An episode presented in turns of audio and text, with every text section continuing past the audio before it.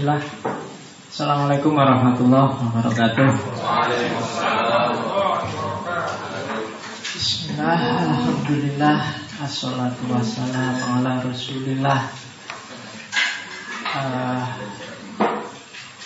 Malam ini Kita akan mulai Ngaji filsafat. Tapi ngajinya tanpa kitab kuning ya tidak apa-apa. Atau mau pakai kitab kuning, saya punya banyak. Ya, nanti paling hasilnya kitab kuningnya orang ngerti, filsafatnya yang enggak dong. Gampang kan, kamu kan sudah ngeri duluan ngaji aja filsafat. Oke, kemarin waktu teman-teman panitia datang ke rumah, mereka juga bingung enaknya dikasih apa. Pokoknya filsafat. Tahu, pokoknya karena ngaji filsafat. Iyalah, Cuma seperti biasa gaya saya Saya tidak suka ngajarin kalian sejarah filsafat. Kalau cuma sejarah filsafat Kamu baca aja di buku-buku filsafat Semuanya ada. Saya lebih suka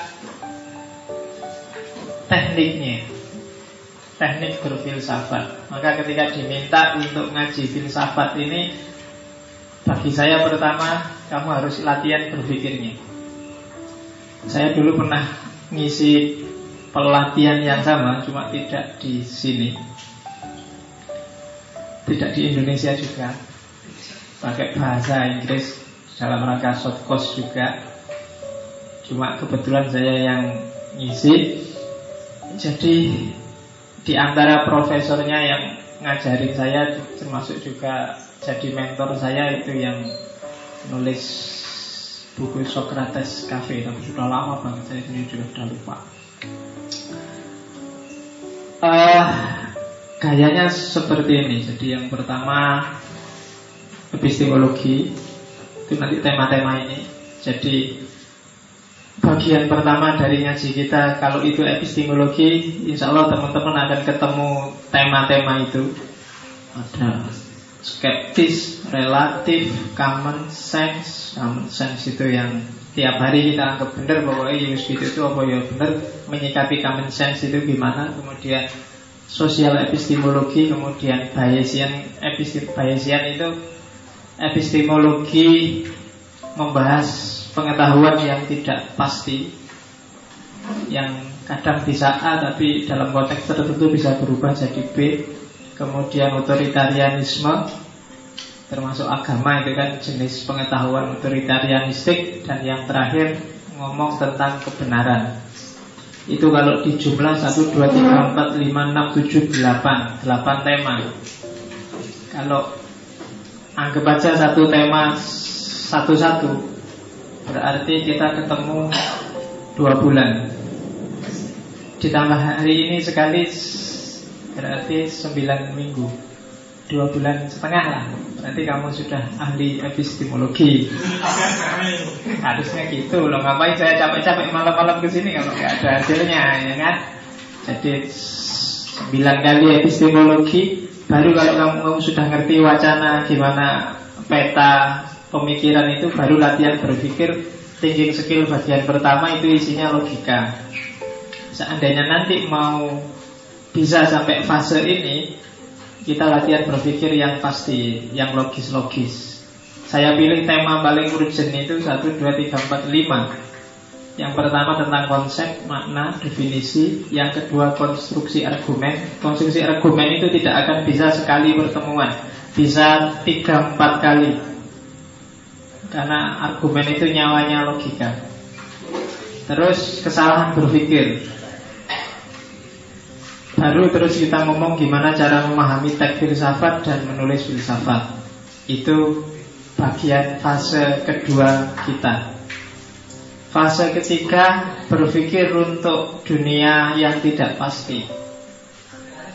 Dan itu hermeneutik. Ya temanya empat besar itu tapi saya tidak tahu. Empat itu apa? Satu bisa sekali pertemuan. Ada model konservatif, dialogis, kritis, radikal kalau di usuluddin di akidah filsafat termasuk jurusan yang lain hermeneutik saja itu 14 kali pertemuan. Itu pun tidak ada jaminan yang dikasih kuliah paham. Ya, apalagi kalau cuma empat. Jadi fase ketiga kita nanti kalau bisa nyampe hermeneutik. Anggap aja nanti logika bisa anggap aja 7 sampai 8 lah. Anggap aja 8 berarti 2 bulan, 4 bulan. Hermeneutik berapa ya enaknya? Sekali satu tema anggap aja dua kali berarti 8 juga 2 bulan 2 bulan 1, 2, 3 Sudah 6 bulan 6 bulan sampai hermeneutik Baru masuk ke isu-isu besar Jadi 6 bulan berarti setengah tahun. Kalian pahamlah alat-alat itu Harusnya Sudah punya Sudah mampu untuk berfilsafat sendiri Baru kita masuk ke isu-isu besarnya filsafat. Baru masuk ke ontologi Yang pertama tentang Tuhan Yang kedua tentang kosmos, alam Yang ketiga tentang manusia. Baru boleh bertanding dengan para filosof besar dengan konsep-konsep mereka.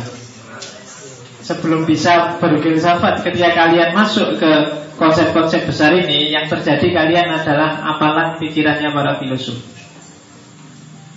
Ketika kalian belum punya alat, tapi kalau sudah punya alat, kalian bisa masuk, bisa enak bisa mengkritik, bisa mengkonsep sendiri, bisa melakukan sintesis tokoh-tokoh besar, bisa macam-macam, bisa enak. Tapi kalau tidak, kalian masuk ke tema-tema Tuhan, alam, manusia dengan segala variasinya itu paling apalah. Kalau diskusi, kalian jadi orang penurut. Penurut itu kalau ngomong mesti menurut Socrates, menurut Aristoteles, mesti. Jadi, ya, jadi padahal mahasiswa kan harusnya nggak boleh menurut tapi karena kalian cara berpikirnya apalan maka kalian jadi penurut. Jadi jadi anak paling cerdas di kampus itu biasanya paling penurut karena bacaannya banyak terus kalau ngomong mesti menurut. Jadi makanya biar tidak jadi penurut kamu harus alatnya canggih. Jadi, ya dan kelemahan kita kalau diskusi kalau ada temenmu menurut kamu juga nyerah itu loh. Ya kan? Menurut Gadamer, menurut itu kamu coba Gadamer kalah aku mesti. Itu gitu ya. Kamu nyerah. Emangnya kalau sudah menurut itu mesti pas. Tapi kan kalian mesti sudah angkat tangan. Kalau temanmu sudah mengeluarkan haji hajinya Ini sudah dibilang oleh Nurholis Majid Angkat tangan, nyerah. Gus Dur sudah ngomong gini ya sudah gak kalah sih musuh Gus Dur. Bayanganmu kan gitu. Tapi apa ya ngono kalau sudah manusia masuk ke ini tadi mulai manusia sampai ke atas tadi kan value-nya masih value kebenaran rasional, nilai-nilai kebenaran rasional baru masuk ke fase apa ini bagian besar kedua namanya etika. Etika ini luas sekali dan luar biasa. Dunia baru mungkin nanti basisnya tidak lagi di logika, tidak lagi di reasoning, tapi di etika. Kalau kita sudah naik kelas ke etika sudah agak rumit lagi dan tapi luar biasa wacananya. Apalagi masuk fase ke ketiga estetika. Kalau sufi ini sudah ekstase sudah. Kalau sudah mas, masuk ke dunia estetika itu biasanya sudah mulai sudah mulai keriting rambutmu kamu sudah. Iya. Jadi itu gambaran kita Seandainya bayangan saya kamu rajin Dan serius mau ngaji filsafat. Dan saran saya ke panitia iya ngomong gak harus saya terus. Mungkin nanti pada fase-fase tertentu oh, Ini ada tema yang Ah ini bapak ini lebih ahli di sini ya tidak harus saya. Saya bagian yang kecil-kecil ya kan. Kalau nggak ada yang mau baru saya. Jadi Estetika misalnya banyak jago estetika. Gak harus saya yang ngomong Tapi kok terpaksa nih gak ono ya. Saya ngomong juga gak apa-apa Cuma mancing diskusi aja. Oke. Jadi Gambarannya nanti itu.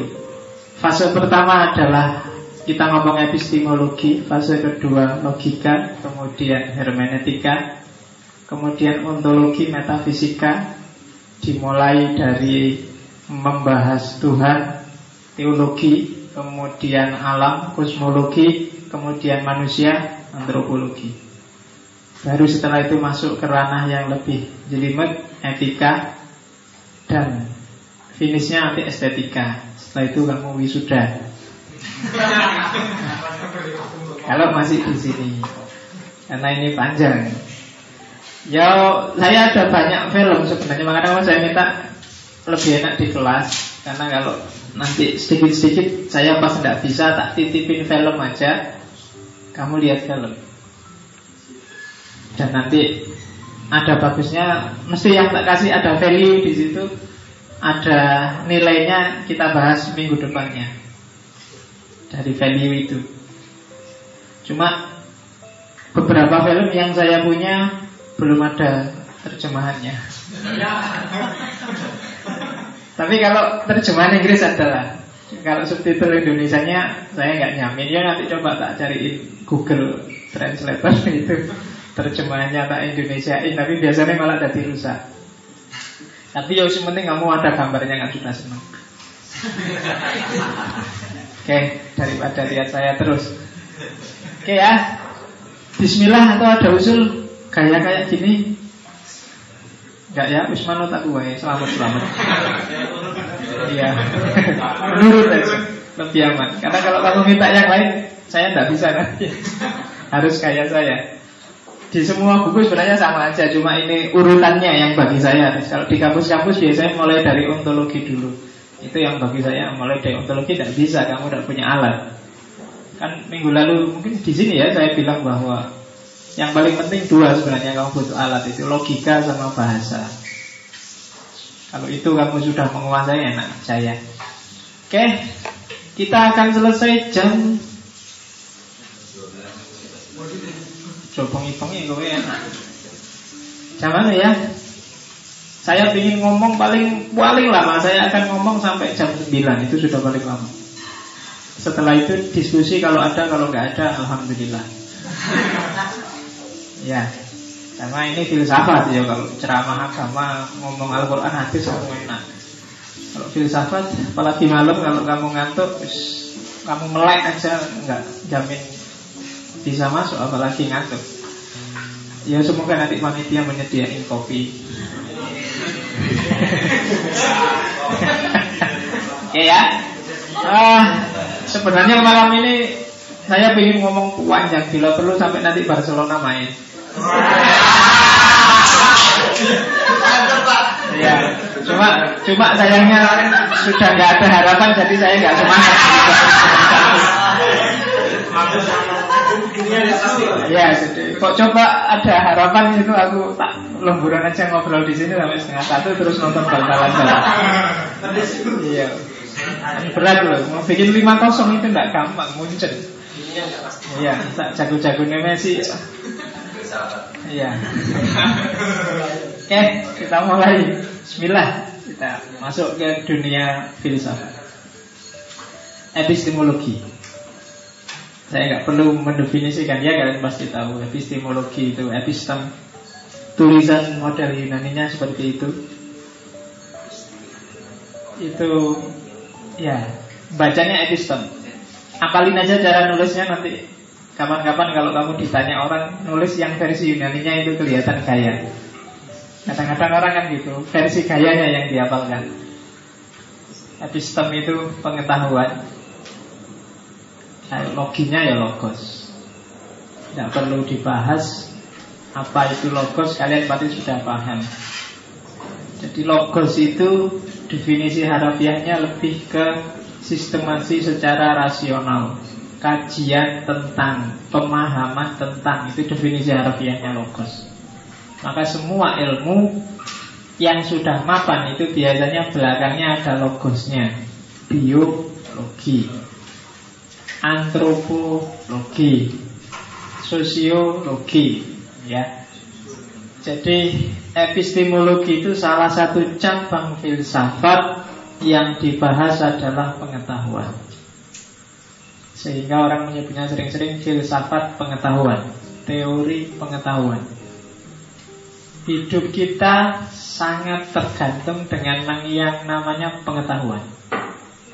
Coba semua pengetahuan yang ada di kepalamu itu dibuang, kamu akan kembali jadi bayi lagi. Apa pun itu tergantung pada pengetahuan Kamu tidak akan bisa lepas dari pengetahuan Maka pengetahuan itu urgent Tidak boleh orang kemudian bilang tidak penting, yang penting uang, yang penting tidak ada. Yang nomor satu penting kalau di sini adalah pengetahuan. Uangmu banyak tapi pengetahuannya nol ya buat apa? Anak kecil itu kamu kasih uang sak miliar kardus itu paling dibuat mainan. Anakku nek dikasih uang 100 ribu deh bingung Buat ayah aja Saya yang 2000 aja buat beli Ya kan? Pengetahuannya belum nyampe. Coba dia pengetahuannya nyampe Sudah ada data baru yang namanya pengetahuan. Mungkin dia senang 100 ribu itu berarti 2000 kali sekian. Dan bisa kalau beli jajan bisa dapat banyak. Tapi pengetahuannya baru sebatas ya 2000 yang bisa beli jajan. Kalau 100 ribu tidak pernah ada orang beli kerupuk 100 ribu misalnya.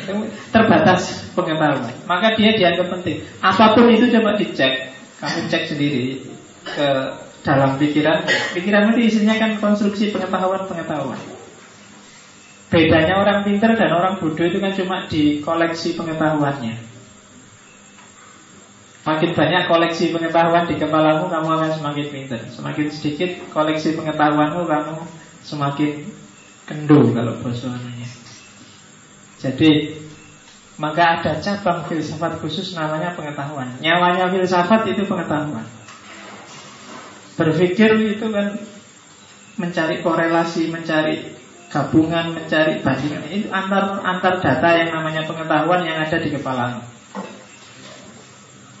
Maka filsafat membahas itu namanya epistemologi problem-problemnya epistemologi yang ditanyakan pertama oleh epistemologi adalah apakah manusia bisa mampu mengetahui hakikat benar tidak salahnya pengetahuan. Kamu tahu satu tambah satu dua. Kira-kira caramu menguji apakah benar sih satu tambah satu dua itu kayak gimana? Itu dibahas oleh epistemologi pengetahuanmu bahwa kalau malam ini dingin maka kamu bawa jaket itu valid tidak? Membuktikan bahwa pengetahuan itu valid gimana caranya? Nah itu dibahas oleh epistemologi. Yang kedua tentang sifatnya pengetahuan. Apakah pengetahuan itu sama dengan sesuatu yang mungkin atau sesuatu yang pasti atau sesuatu itu dibahas oleh epistemologi. Jadi pengetahuan itu sama tidak sih dengan keyakinan? Kalau kamu yakin bahwa apa? Uji. Ustaz Jeffrey itu masuk surga. Kamu kan yakin itu masuk surga kan? Katanya masuk surga karena yang doain banyak. Itu sama nggak dengan pengetahuan? Atau beda keyakinan sama pengetahuan itu Kalau keyakinan itu ya belum barang yang nggak pasti tapi diyakini Pak. Sementara kalau pengetahuan itu sudah tahu Atau gimana? Nah, itu dibahas oleh epistemologi Kemudian dengan cara apa kita tahu? Itu juga dibahas. Karena sumber pengetahuan banyak. Nanti harus dipilih Mana yang valid, mana yang tidak Kadang dalam kondisi tertentu Sesuatu lebih valid Tapi dalam kondisi lain sesuatu tadi nggak valid. Harus pakai sesuatu yang lain. Itu dibahas. Kalau urusan gempa, urusan bencana, pendapatnya Surono lebih valid dibandingkan mungkin kiai ya kamu sangat hormat dengan kiai ustadzmu pokoknya ustadz ini harus ditaati segala kata-katanya tapi kalau urusan bencana meskipun dia raja kamu kan lebih percaya Surono dibandingkan Hamengkubuwono kenapa dalam konteks itu dia ahlinya Kemudian pengetahuan itu sumbernya dari dalam dirimu atau dari luar? Ya. Ini dibahas karena ada perdebatan di kalangan filosof. Filosof paling awal Plato dan Aristoteles yang beda pendapat. Kalau Aristoteles pengetahuan itu dari luar. Tapi kalau Plato pengetahuan itu dari dalam pengetahuan itu ya sumbernya dari pikiranmu. Tapi kalau kata enggak, kata Aristoteles, pengetahuan sumbernya realitas sekitar kita terus masuk ke pikiran. Pikiran itu cuma alat. Jadi itu jadi tema. Kemudian yo alat yang kamu pakai terus apa? Pakai intuisi kan, pakai akal, pakai indera. Minggu lalu saya jelaskan itu. Jadi satu, dua, tiga, empat, lima. Tema ini dibahas dengan berbagai versi. Seperti yang delapan yang saya sebut itu. Delapan itu belum termasuk ini ya, ini baru pengantarnya, epistemologi. Minggu depan baru kita masuk ke filsafat pengetahuan yang sebenarnya. Ini kamu baru saya antarkan aja ke dunia yang namanya epistemologi. Ini baru pengantarnya. Kamu jangan bingung dulu, masih pengantar kok sudah bingung. Ya Kalau diantarkan bingung ya susah. Nanti jangan-jangan sesat. Kayak yang subur. Oke, katanya pengacaranya yang subur kan? itu tidak ada fatwa MUI yang bilang eyang subur itu sesat Hanya dianggap menyimpang. Yo, yo sing waras ngalah. Oke. Jenisnya. Ya, agak malam ini harus agak Tidak usah lambat-lambat. Nanti kalau improvisasinya banyak Materinya dikit kamu selak ngantuk. Ada dua jenis epistemologi berdasarkan persepsinya terhadap realitas. Yang pertama ada namanya epistemological idealism. Yang kedua ada epistemological realism. Realis dan idealis.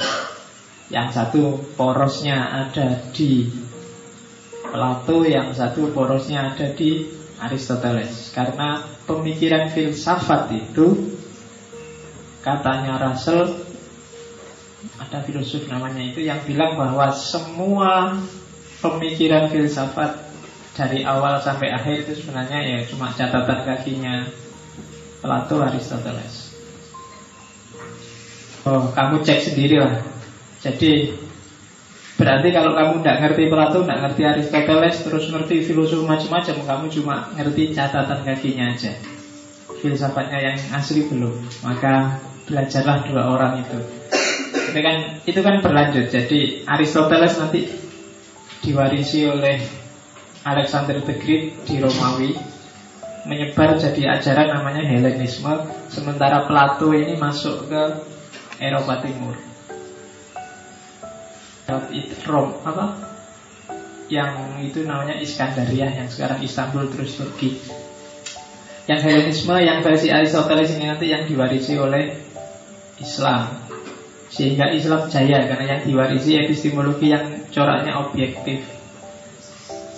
Sainnya bisa jaya. Sementara yang timur yang Plato itu kan melanjutkan Pelanjutnya kan namanya Plotinus Dikenal dengan Neoplatonisme Yang itu pikiran-pikirannya cenderung mistik Dan itu diwarisi Barat Awal sebelum modern. Sehingga Barat agak tenggelam di abad tengah. Sementara Islam jaya. Cuma kemudian dua-duanya ketemu di Italia nanti melahirkan Renaissance. Dan Renaissance itu jadi tonggak jayanya Barat dan kebalik. Islam terus jadi seneng mistik. Ya kan? Diawali dengan Ghazali dan kawan-kawan itu. Karena setelah Islam jatuh itu kan tradisi rasionalitasnya yang berkembang di timur Persian, Surawadi dan kawan-kawan itu sudah sudah teosofi, sudah mistik. Sementara di dunia Sunni itu kan dunia Syiah. Di dunia Sunni juga begitu. Orang Islam terpesona dengan Ghazali dan kawan-kawan. Ghazali yang anti filsafat, meskipun cara dia anti sangat filosofis.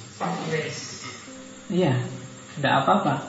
Cuma akhirnya yang subur di Islam kan tradisi-tradisi in, apa? Toreko tradisi-tradisi sufi ulama kiai wali itu kan yang rankingnya tinggi. Sementara ilmuwan rankingnya di bawah. Ilmu paling tinggi adalah ilmu tentang Al-Quran. Kan gitu para beberapa ulama kan gitu. Jadi ilmunya di ranking. Jadi yang kayak kamu ini belajar filsafat itu ilmu ranking bawah. Karena ilmu yang ranking tinggi itu ilmu agama. Nanti beberapa saya baru penelitian tentang imam-imam Mahdi yang jagoan sepanjang sejarah Islam. Kemarin baru meneliti tentang seorang Imam Mahdi namanya Sukri Mustafa yang yang menginspirasi nanti melahirkan Al-Qaeda dari Mesir. Gerakannya namanya gerakan takfir wal hijrah. Coba dicari nama itu. Saya baru nulis tentang imam-imam baru dapat 50% tentang orang ini. Tapi dia luar biasa konservatifnya. Sekolah nggak boleh, nggak penting. Belajar nulis sama membaca itu bid'ah. Nabi itu umi aja bisa jadi nabi. Iya kan nggak bisa baca. Kalau kamu bisa baca, bisa nulis itu merusak pikiranmu. Ya kan gara-gara bisa ngenet, bisa nulis, bisa baca itu kan kamu terkontaminasi macam-macam. Coba kamu nggak macam-macam. Pikiranmu bersih, nggak ada isinya apa-apa.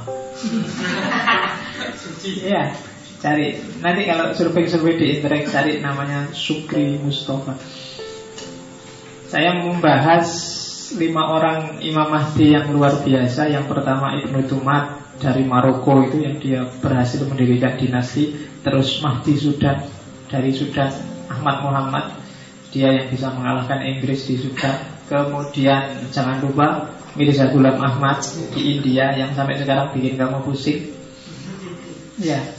Kemudian ini yang berhasil menaklukkan Masjidil Haram dua minggu Arab dan sekutunya termasuk Perancis Amerika tidak bisa menaklukkan dia karena dia meng, apa, menghegemoni Masjidil Haram ditutup. Pokoknya disandra termasuk jamaah haji di sana tahun 79 namanya Muhammad bin Abdullah Al-Qahtani jadi ngaku Imam Mahdi kemudian Masjidil Haram tapi kemudian dibasmi oleh pasukan Arab secara brutal sehingga ratusan orang tewas hari itu dan banjir darah di Mekah di Masjidil Haram itu Muhammad bin Abdullah al qatani Ada yang nulis peneliti dari Perancis diterbitkan cari buku yang judulnya Kudeta Mekah.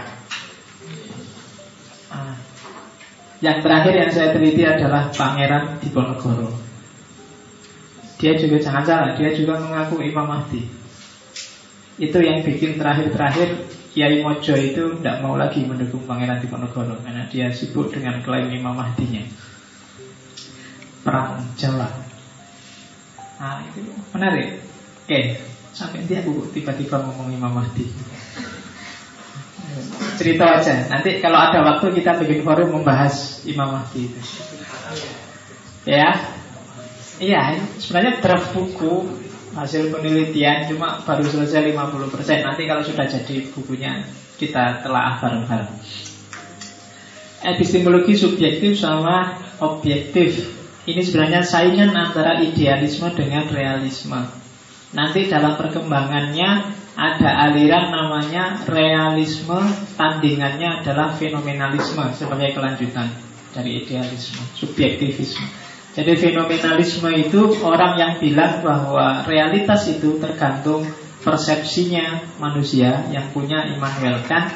Kalau realisme itu realitas itu eksis tanpa tergantung oleh persepsinya manusia. Contoh paling gampangnya begini. Uh, Masjid Jenderal Sudirman ini kalau orang sedunia nggak ada yang tahu bahwa ada masjid Jenderal Sudirman, masjid itu ada nggak? Orang sedunia nggak ada yang tahu. Masjid itu ada nggak? Atau nek masjid bikinan ya? Candi Borobudur aja wis. Candi Borobudur itu kalau orang sedunia nggak ada yang tahu. Dulu kan nggak ada yang tahu, kan dia ditemukan tahun berapa cuma. Itu ada nggak Candi Borobudur itu? Ya kamu bilang ada karena kamu sudah ngerti ya tahu kan? Ini orang sedunia nggak ada yang tahu. Ada nggak? Eh? kamu sekarang ngeyel ada atau kalau saya bilang ini di bawah ruang kelas ini ada candi besar terbuat dari emas. Kamu bilang ada nggak? Nggak ada. Persis. Seandainya candi Borobudur belum ditemukan, saya ngomong di Magelang itu ada candi besar yang besarnya luar biasa. Kamu nggak akan percaya. Nggak ada pak Sama kayak candi di bawah yang bilang nggak ada pak Ah Kalau jawabannya nggak ada Berarti kamu itulah fenomenalis Jadi realitas itu tergantung persepsinya orang. Tidak tergantung dirinya sendiri. Tapi kelompok realis Dia akan bilang ada. Yo tidak masalah belum ketemu Tapi hakikatnya dia ada.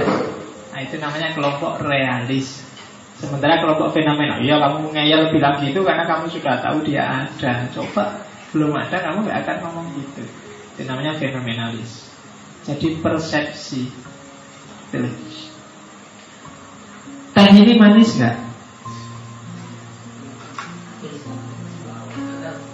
Gak tahu Karena belum kamu persepsi Ya kan? Masih panas. Gak jadi. Berarti kita semua gak tahu apakah teh ini manis apa. Manisnya teh itu tergantung persepsimu juga kan? Tergantung penyerapanmu juga kan? Kamu yang terbiasa manis sekali. Mungkin sudah dikasih gula pun ah, kurang manis. Kan mesti gitu. Atau kamu yang tidak suka manis Maka ini sudah terlalu manis tidak sekedar manis tapi sudah terlalu manis. Itu maka kebenaran realitas itu tergantung persepsimu. Kajian kayak gini ini bermanfaat nggak bagi kamu? ya kan? Bagi yang tidak suka filsafat, buang-buang waktu, sia-sia. Jangan-jangan kamu sedang sesat ini belajar filsafat. Bisa jadi gitu. Kenapa? Ya persepsi. Jadi realitas itu tidak pernah bebas dari persepsi. Itu yang nanti oleh Immanuel kan das ding ansi. Nah, nanti tak kasih, tak kasih ilmu satu aja, biar nggak bingung. Das ding ansi itu realitas apa adanya. Itu tidak pernah bisa kamu temukan. Kenapa? Karena apa adanya itu tidak ada. Yang ada ya realitas ketika kamu sudah melihat ini, memahami ini, berarti dia sudah tidak apa adanya lagi. Sudah menurut kamu saya ingin jujur ngomong apa adanya. Itu sebenarnya nggak ngomong apa adanya. Itu sudah persepsimu gitu Jadi kalau ada temenmu Aku jujur ya mau bilang Ini apa adanya tentang kamu? Itu sebenarnya bukan apa adanya Kamu versinya dia. Jadi dusting ansih barang apa adanya Itu nggak mungkin bisa diakses. Ketika sudah bersentuhan dengan manusia Dia sudah jadi fenomena dia sudah jadi barang sesuai versimu. Oke. Ada jadi yang fenomena itu berarti paradigmanya subjektivisme, tapi yang realis itu objektivisme. Jadi objeknya bisa independen, tapi kalau subjektif enggak, objek enggak bisa independen. Jenis nanti ide-ide epistemologi akan bulat di antara dua itu. Ada yang punya persepsi subjektif, ada yang punya persepsi objektif. Nanti kita lihat objek pengetahuan. Ya kalau kayak gini-gini kamu nggak perlu mikir dalam-dalam lah. Yang bisa diketahui itu yuk fenomena. Kenapa itu disebut fenomena? Ya karena baru di level fenomena. Lawannya fenomena itu kan nomena. Kalau nomena itu barang apa adanya yang dasdi ansi tadi. Tapi yang bisa kamu ketahui itu levelnya adalah fenomena. Alam ya gejalanya Alamnya sendiri kan kamu susah memahami. Yang kamu kepahami kan gejala alam. Eksternal world dunia di luar kamu Kemudian masa lalu. Masa lalu itu sudah lewat Tapi kan masih bisa kamu pahami. Masa depan. Masa depan kan belum ketemu Tapi kan kamu bisa memahami masa depan. Namanya pengetahuan prediktif. Ada temenmu sama pacarnya nginep di kamar berdua pulang pagi-pagi. Terus muncul pengetahuan di kepalamu. Tenono. Sebulan lagi mesti hamil gitu. Oh itu kan? Munculnya pengetahuan bahwa temenmu tadi akan hamil itu kan pengetahuan tentang masa depan itu. Nah ya kan? Loh, pengetahuan ketika kamu ujian kok tiba-tiba telat nggak bisa masuk akhirnya Waduh nggak bisa ikut ujian. Maka ah, mesti tidak lulus Loh, Kamu tidak lulus itu kan namanya pengetahuan tentang masa depan. Jadi kalau ada orang tanya kamu mas bisa tahu masa depan? Tahu. Gampang tahu masa depan itu. Ya kan? Kalau nggak percaya kalau bisa tahu masa depan tahu. Contohnya kalau kamu tak pukul mesti kamu marah Gak percaya antum Solusi, nah itu pengetahuan tentang masa depan. Ya itu maksudnya nggak sesederhana itu, tapi contohnya ngono. Yang keempat, nilai, values, etika, estetika, religiusitas. Itu objek pengetahuan lah. Kamu sudah ngerti lah ilmu agama kan sudah tinggi. Etika juga begitu, begitu kamu masuk hidup dalam dunia sosial pasti kamu sudah punya pengetahuan tentang nilai. Estetika juga begitu pengetahuan tentang keindahan, pengetahuan tentang seni. Estetika kebanyakan mendaya gunakan otak mana? Kanan. Makanya sekarang orang sibuk mengaktifkan otak kanan itu. Saya tidak perlu dan tidak pernah minat untuk belajar mengaktifkan otak kanan. Tapi pengalaman saya yo otak kananku yo kerja kerja aja itu nggak pernah diaktifkan. Atau memang harus diaktifkan saya tidak tahu. Iya, saya tidak pernah diperintah atau belajar otak kanan. Katanya otak kanan itu kalau sudah aktif terus bisa baca matanya ditutup itu pikir hubungannya apa? Berarti yang bisa mengaktifkan otak kanan itu para pesulap. Apa ya memang hanya untuk para pesulap? Otak kanan itu itu yang bikin saya misterius itu. Kok ujiannya malah ininya ditutup terus bisa baca dengan mata tertutup. Padahal setahu saya ya otak kanan itu kan ranah-ranah bangsane seni, estetika, agama dan kawan-kawan, imajinasi. Sementara yang kiri ngomong eksak-eksak. Tapi sekarang itu harus diaktifkan. Kamu kan nggak perlu mengaktifkan otak kanan kan sudah punya sense of estetik kan. Suka dangdut, siapa yang suka dangdut di sini? Iya. Suka ya kan kelihatan gitu suka rock, blues, jazz ya. Kayak kamu kan suka nonton TV, nonton film tadi tak pameri, kamu baru dengar besok ada nonton film aja wah lumayan nanti ada film. Itu kan sense of aesthetic. Jadi nggak perlu capek-capek diaktifkan lah, asal kamu tekun aja aktif sendiri kok itu. Ya memang untuk otak kanan kamu cara berpikirnya nggak harus monoton serius karena orang yang otak kanannya nggak terlalu aktif biasanya diajak guyon susah. Ya kan diajak nyantai susah. Pokoknya orangnya serius mencurung susah diajak ngomong. Kalau kalau ditanya pokoknya rasional terus jawabannya nah itu tidak enak. Mau ke mana mas? Mau ke depan? Dari mana? Dari belakang. Ayolah. Itu kan rasional, cuma nyebeli. Iya. Ini masuk akal dari belakang, oh ke depan. Kok jalan aja mas? Emangnya mau merangkak? Jawabannya itu mesti nyebelin. Iya. Otak otak kanannya nggak jalan. Ya estetik lah. Kadang-kadang kalau diajak guyon, waktunya orang guyon dia serius, waktunya orang serius dia ketawa-ketawa. Susah, ya kan? Otaknya nggak imbang. Orang ketawa sudah lama selesai dia baru ketawa belakangan. Kalau dia, iya. Oke. Yang kelima mind, dimensi psikis, dimensi dalam. Pikiranmu itu harus dipahami. Filosofi of mind itu kalau orang buku-buku filsafat itu bisa tebel segini. Karena memang mainnya manusia itu luar biasa. Pikiran itu luar biasa. Ya nanti kamu pelajari sendiri luar biasanya pikiran tidak harus kayak jadi korbuser yang bisa membengkokkan sendok itu bukan di situ tapi tidak tahu nanti coba dibaca filosofi of mind itu bagaimana dahsyatnya pikiranmu bagaimana rumitnya untuk memahami gejala memahami proses memahami model dari pikirannya manusia. Akal itu tidak ada batasnya. Saya pernah sering ditanya orang, saya, saya sering bilang berpikir itu bebas, tapi kan terus dia bilang, tapi kan manusia terbatas pak, ada batasnya, iya, ada batasnya, cuma batasnya itu tidak pasti, tidak pasti dalam arti berpikir itu mungkin sekali waktu kita mentok, ini batasnya sudah, tapi besok ada fakta baru, maka yang semula batas bisa meluas. Itulah berpikir. Jadi kalau kamu bilang tapi kan kita terbatas ya.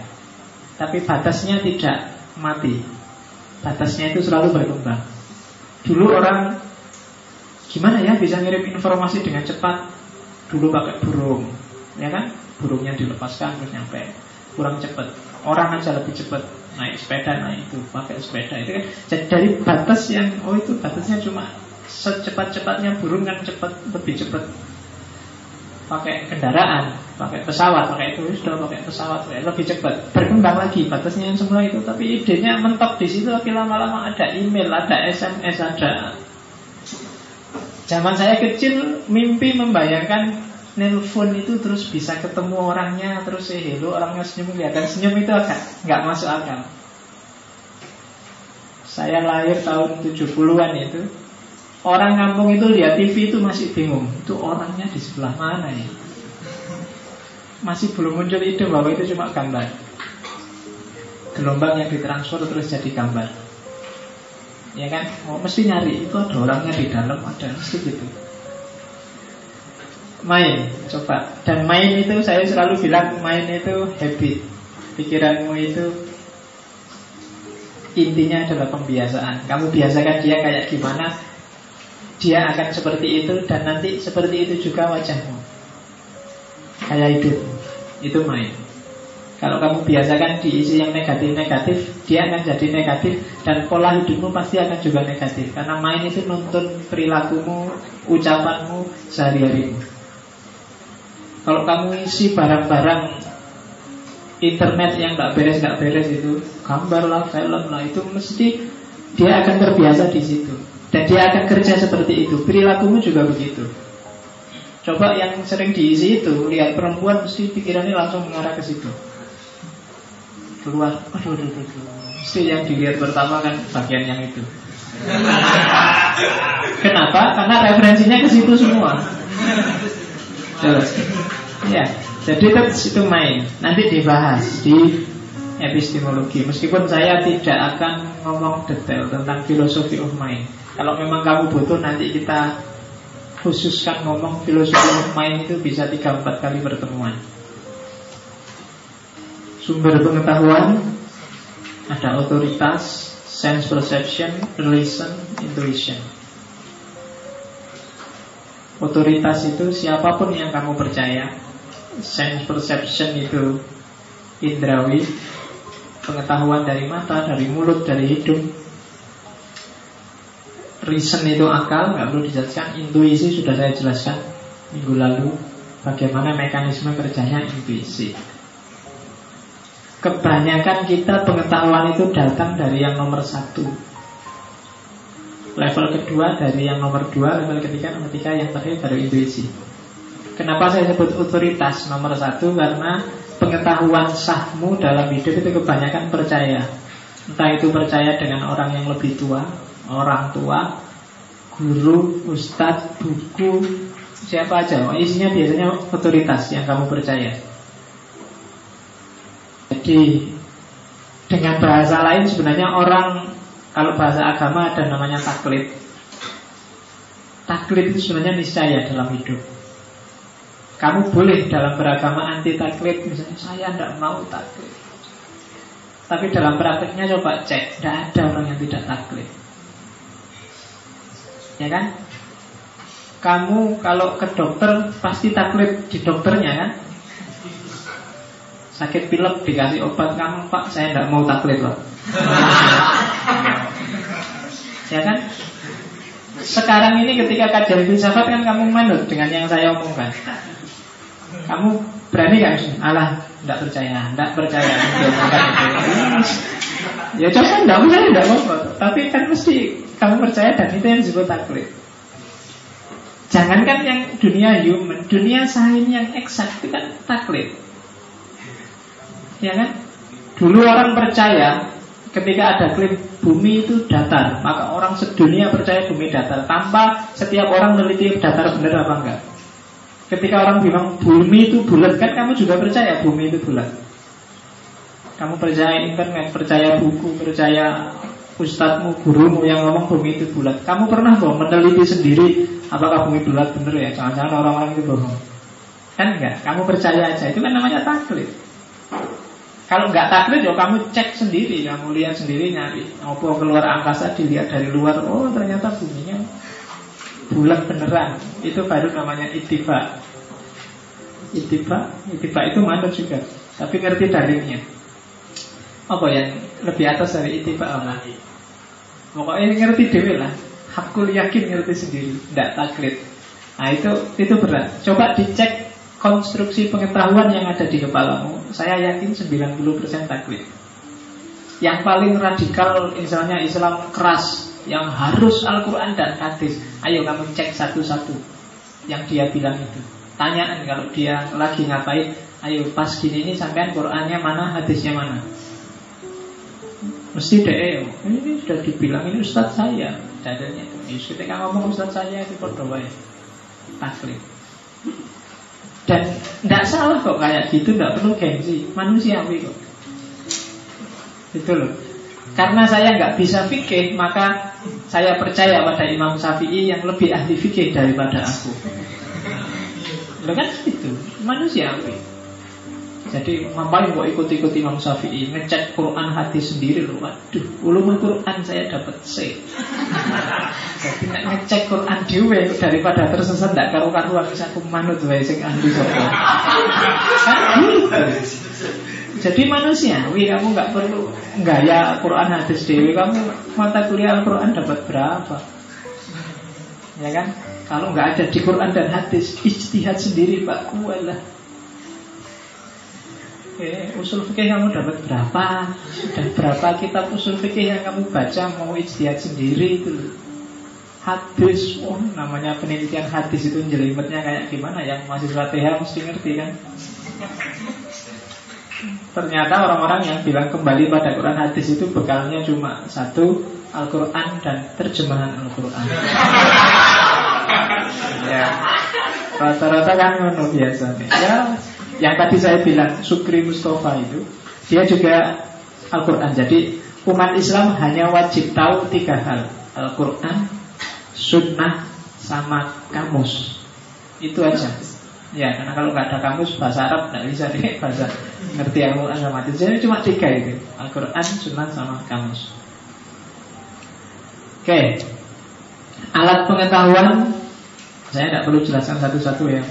Kemarin sudah ada panca indera, akal, nurani, naluri, intuisi, imajinasi. Daya gunakan lima itu kamu akan jadi orang sakti. Ya kan? Indera keenam. Ada enam.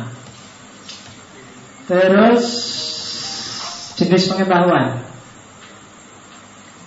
Perhatikan jenisnya, pengetahuan sesuai jenisnya itu macam-macam cara treatmentnya tidak sama karena modelnya juga semacam ketika di kepalamu sudah ada banyak akumulasi pengetahuan ceklah satu-satu ini pengetahuan jenis apa yang paling banyak biasanya pengetahuan namanya pengetahuan biasa ordinary biasa sudah kamu nggak perlu mikir dalam-dalam ini sudah jam 8 pagi perutku rujuk-rujuk ya ini kenapa ya ini kamu nggak perlu ke perpustakaan nyari referensi, nyari buku.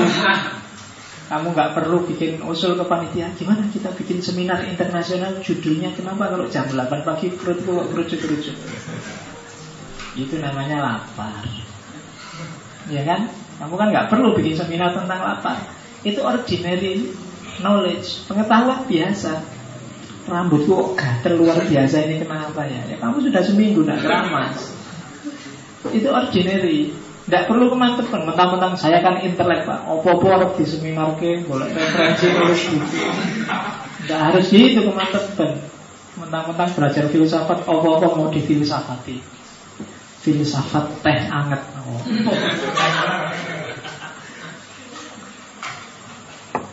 Filsafat roti bakar Ordinary knowledge jadi kamu sudah paham kok tambah harus dibahas panjang lebar.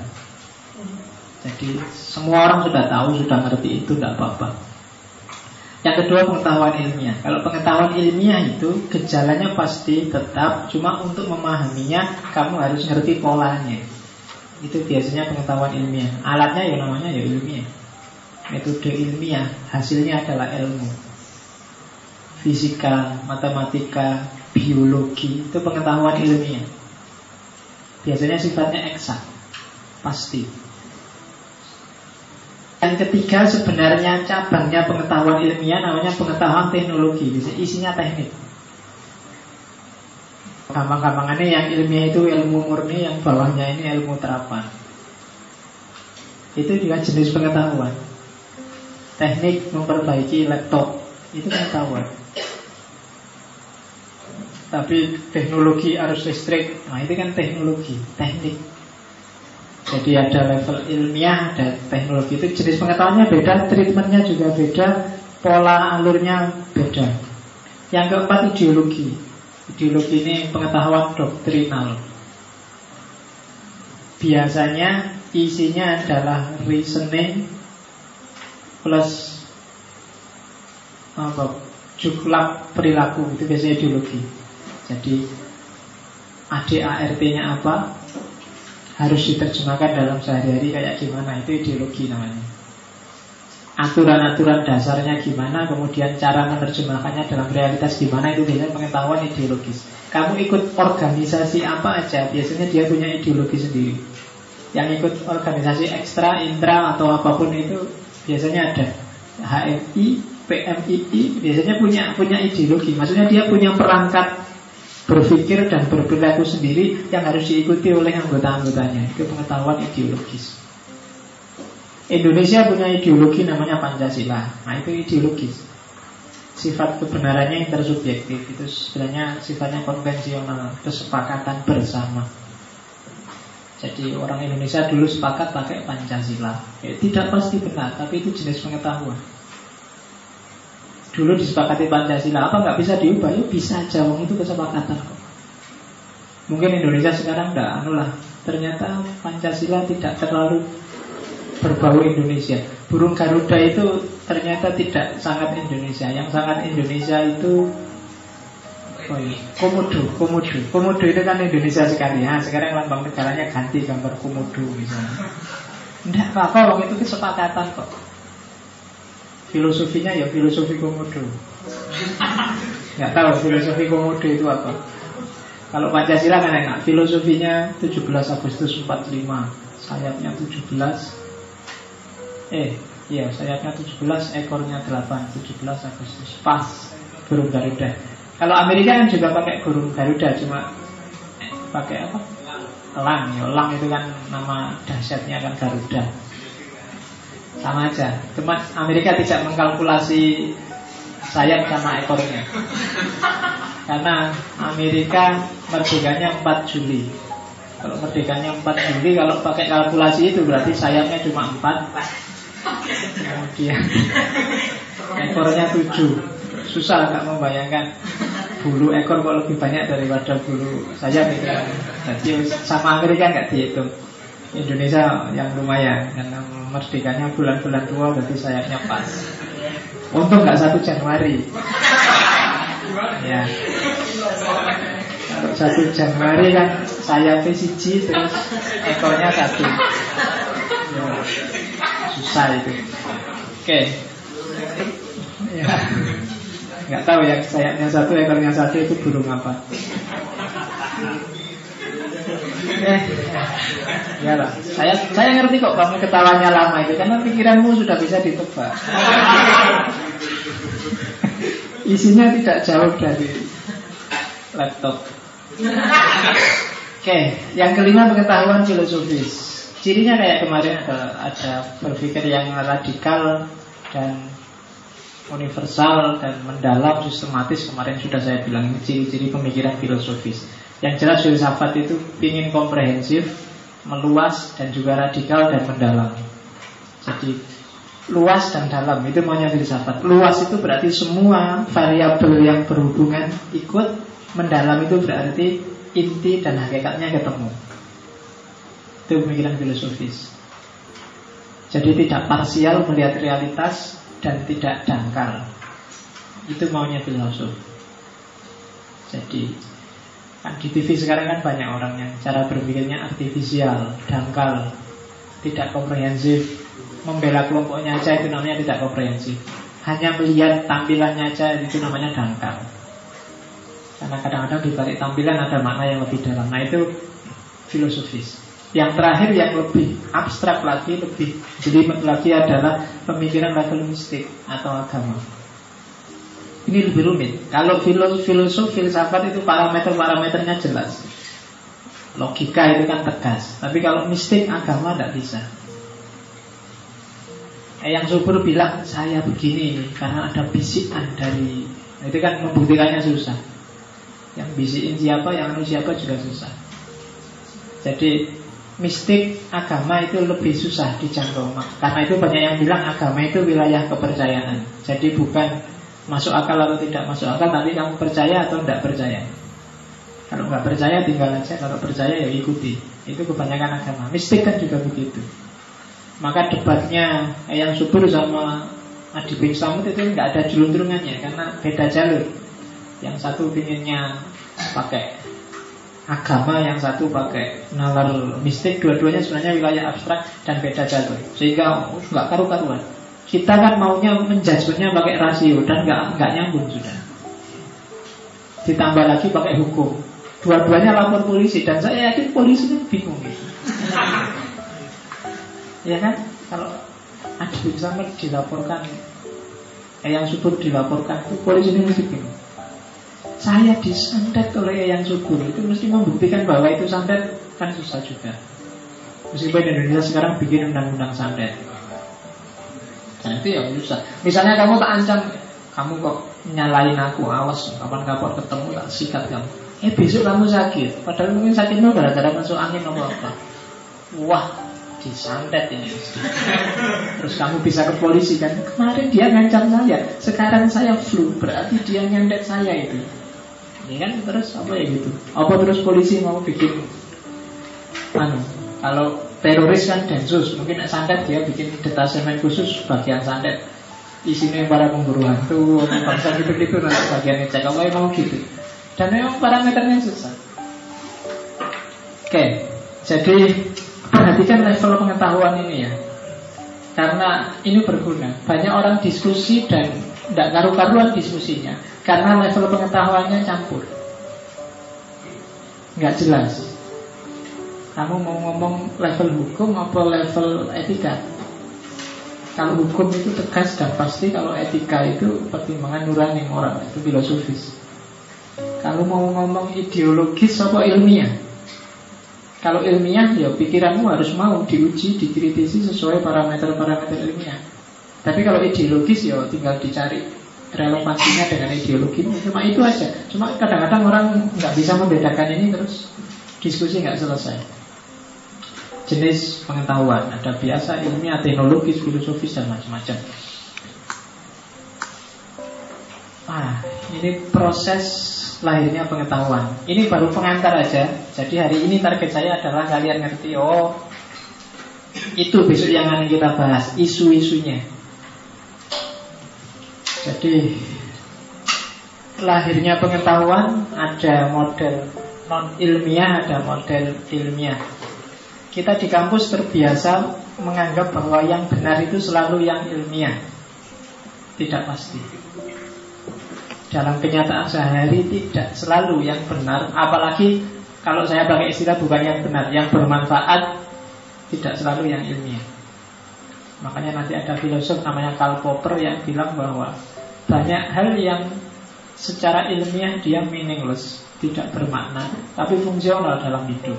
Seperti agama itu kan, dia meaningless. Kalau masuk ke dunia ilmiah itu dia meaningless, nggak bisa diukur secara eksak parameternya. Tapi fungsional. Gara-gara ada agama kan hidup kita jadi tertib, jadi nyaman, jadi tentram, jadi damai itu kan fungsional. Meskipun dia tidak bisa diukur secara ilmiah. Itu katanya Karl Popper. Yang non ilmiah apa aja?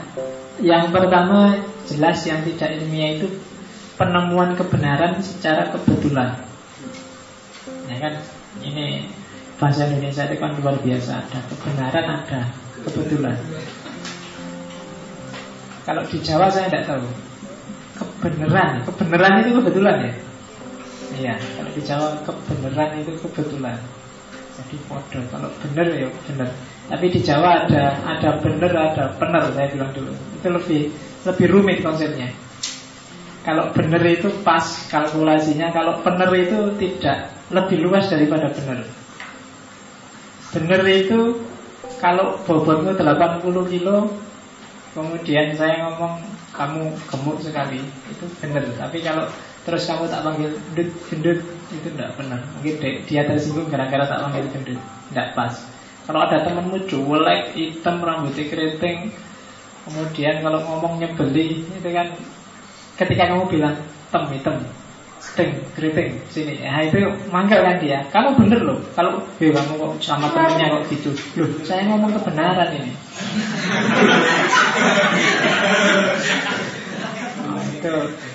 Kamu bisa tawuran gara-gara itu. Kan Ini kebenaran. Kan dia memang kritik. Tak panggil kritik kok marah. Berarti kamu tidak setuju dengan kebenaran itu harus ditegakkan. Tidak pas itu. Namanya kalau orang Jawa menyebutnya tidak benar. Kalau bahasa filsafat tidak wisdom. Socrates itu tidak pernah nyala-nyalain orang. Jadi dia selalu wisdom. Ada cerita bagus dari Socrates, tidak apa-apa. Cerita mungkin bagi teman-teman biar nggak suka dengan gosip namanya triple filter. Jadi lapisan tiga. Jadi kalau kalau ada temenmu mau ngomong gosip, dia harus kamu uji dulu dengan namanya triple filter. Jadi suatu ketika ada temennya Socrates datang ke dia. Jadi dia datang ke temennya, terus dia ngobrol, eh Socrates, saya mau cerita sesuatu nih, ada gosip menarik tentang murid-muridmu. Kan Socrates punya banyak murid. Terus Socrates bilang eh sebentar. Sebelum kamu cerita tentang muridku jawab dulu tiga pertanyaanku. Yang pertama apa yang kamu omongkan itu sudah pasti benar? Jawabnya dia Ya tidak tahu saya pastinya. Ini kan cuma gosip. Ya dipastikan juga susah Yowis, ya berarti tidak pasti benar. Yang kedua, apa yang mau kamu omongkan ini tentang hal-hal yang bagus? Yo, enggak lah. Gosip itu kan mana ada? Gosip itu biasanya tentang hal-hal yang jelek. Yo, Pertanyaan ketiga, apa yang mau kamu omongkan ini ada gunanya buatku? Jawabannya Tidak tahu saya Ya omong cuma gosip Ada gunanya apa enggak ya enggak ngerti Nah, terus maka Socrates berarti kesimpulannya kamu mau ngomong sesuatu yang tidak pasti benar, tidak baik dan tidak pasti berguna buat aku. Makanya daripada kamu capek-capek ngomong, ngomong yang lain aja. Itu strategi untuk menghindari gosip. Itu namanya triple filter dari Socrates. Nah, jadi disaring. Jadi strategi dari Pak Yai. Pak Yai nyuruh kamu wala yahtab ba'dukum ba'dun. Nah, ada tekniknya. Tekniknya ngambil dari filsafat. Agama biar teorinya. Oke kebetulan jelas bukan kebenaran. Kenapa? Ya karena tidak bisa diulang. Saya waktu pakai HP ini kok banyak cewek-cewek mendekat ya? Nah kan nggak bisa kamu menyimpulkan berarti HP ini berhubungan dengan banyak cewek besok tak bawa lagi. Nggak bisa, kamu nggak berani menyimpulkan itu Kenapa? Karena kamu tahu itu cuma kebetulan. Jadi Kalau dekat kamu Hatiku kok tentram ya? Kalau itu kalau pacarmu bilang gitu Dicari itu kebenaran atau kebetulan? Kalau kebetulan itu Kadang-kadang nggak gitu gitu loh kalau kebenaran selalu begitu. Tapi kalau kebetulan, yo kadang jengkel juga, kadang marah, kadang tidak itu berarti kebetulan aja. Karena pas lagi seneng kamu tentram dekat dia, nah, kalau ditagih meraktir baru aduh. Jadi kebenaran bukan itu non ilmiah, tapi ada kalanya kebetulan itu pas.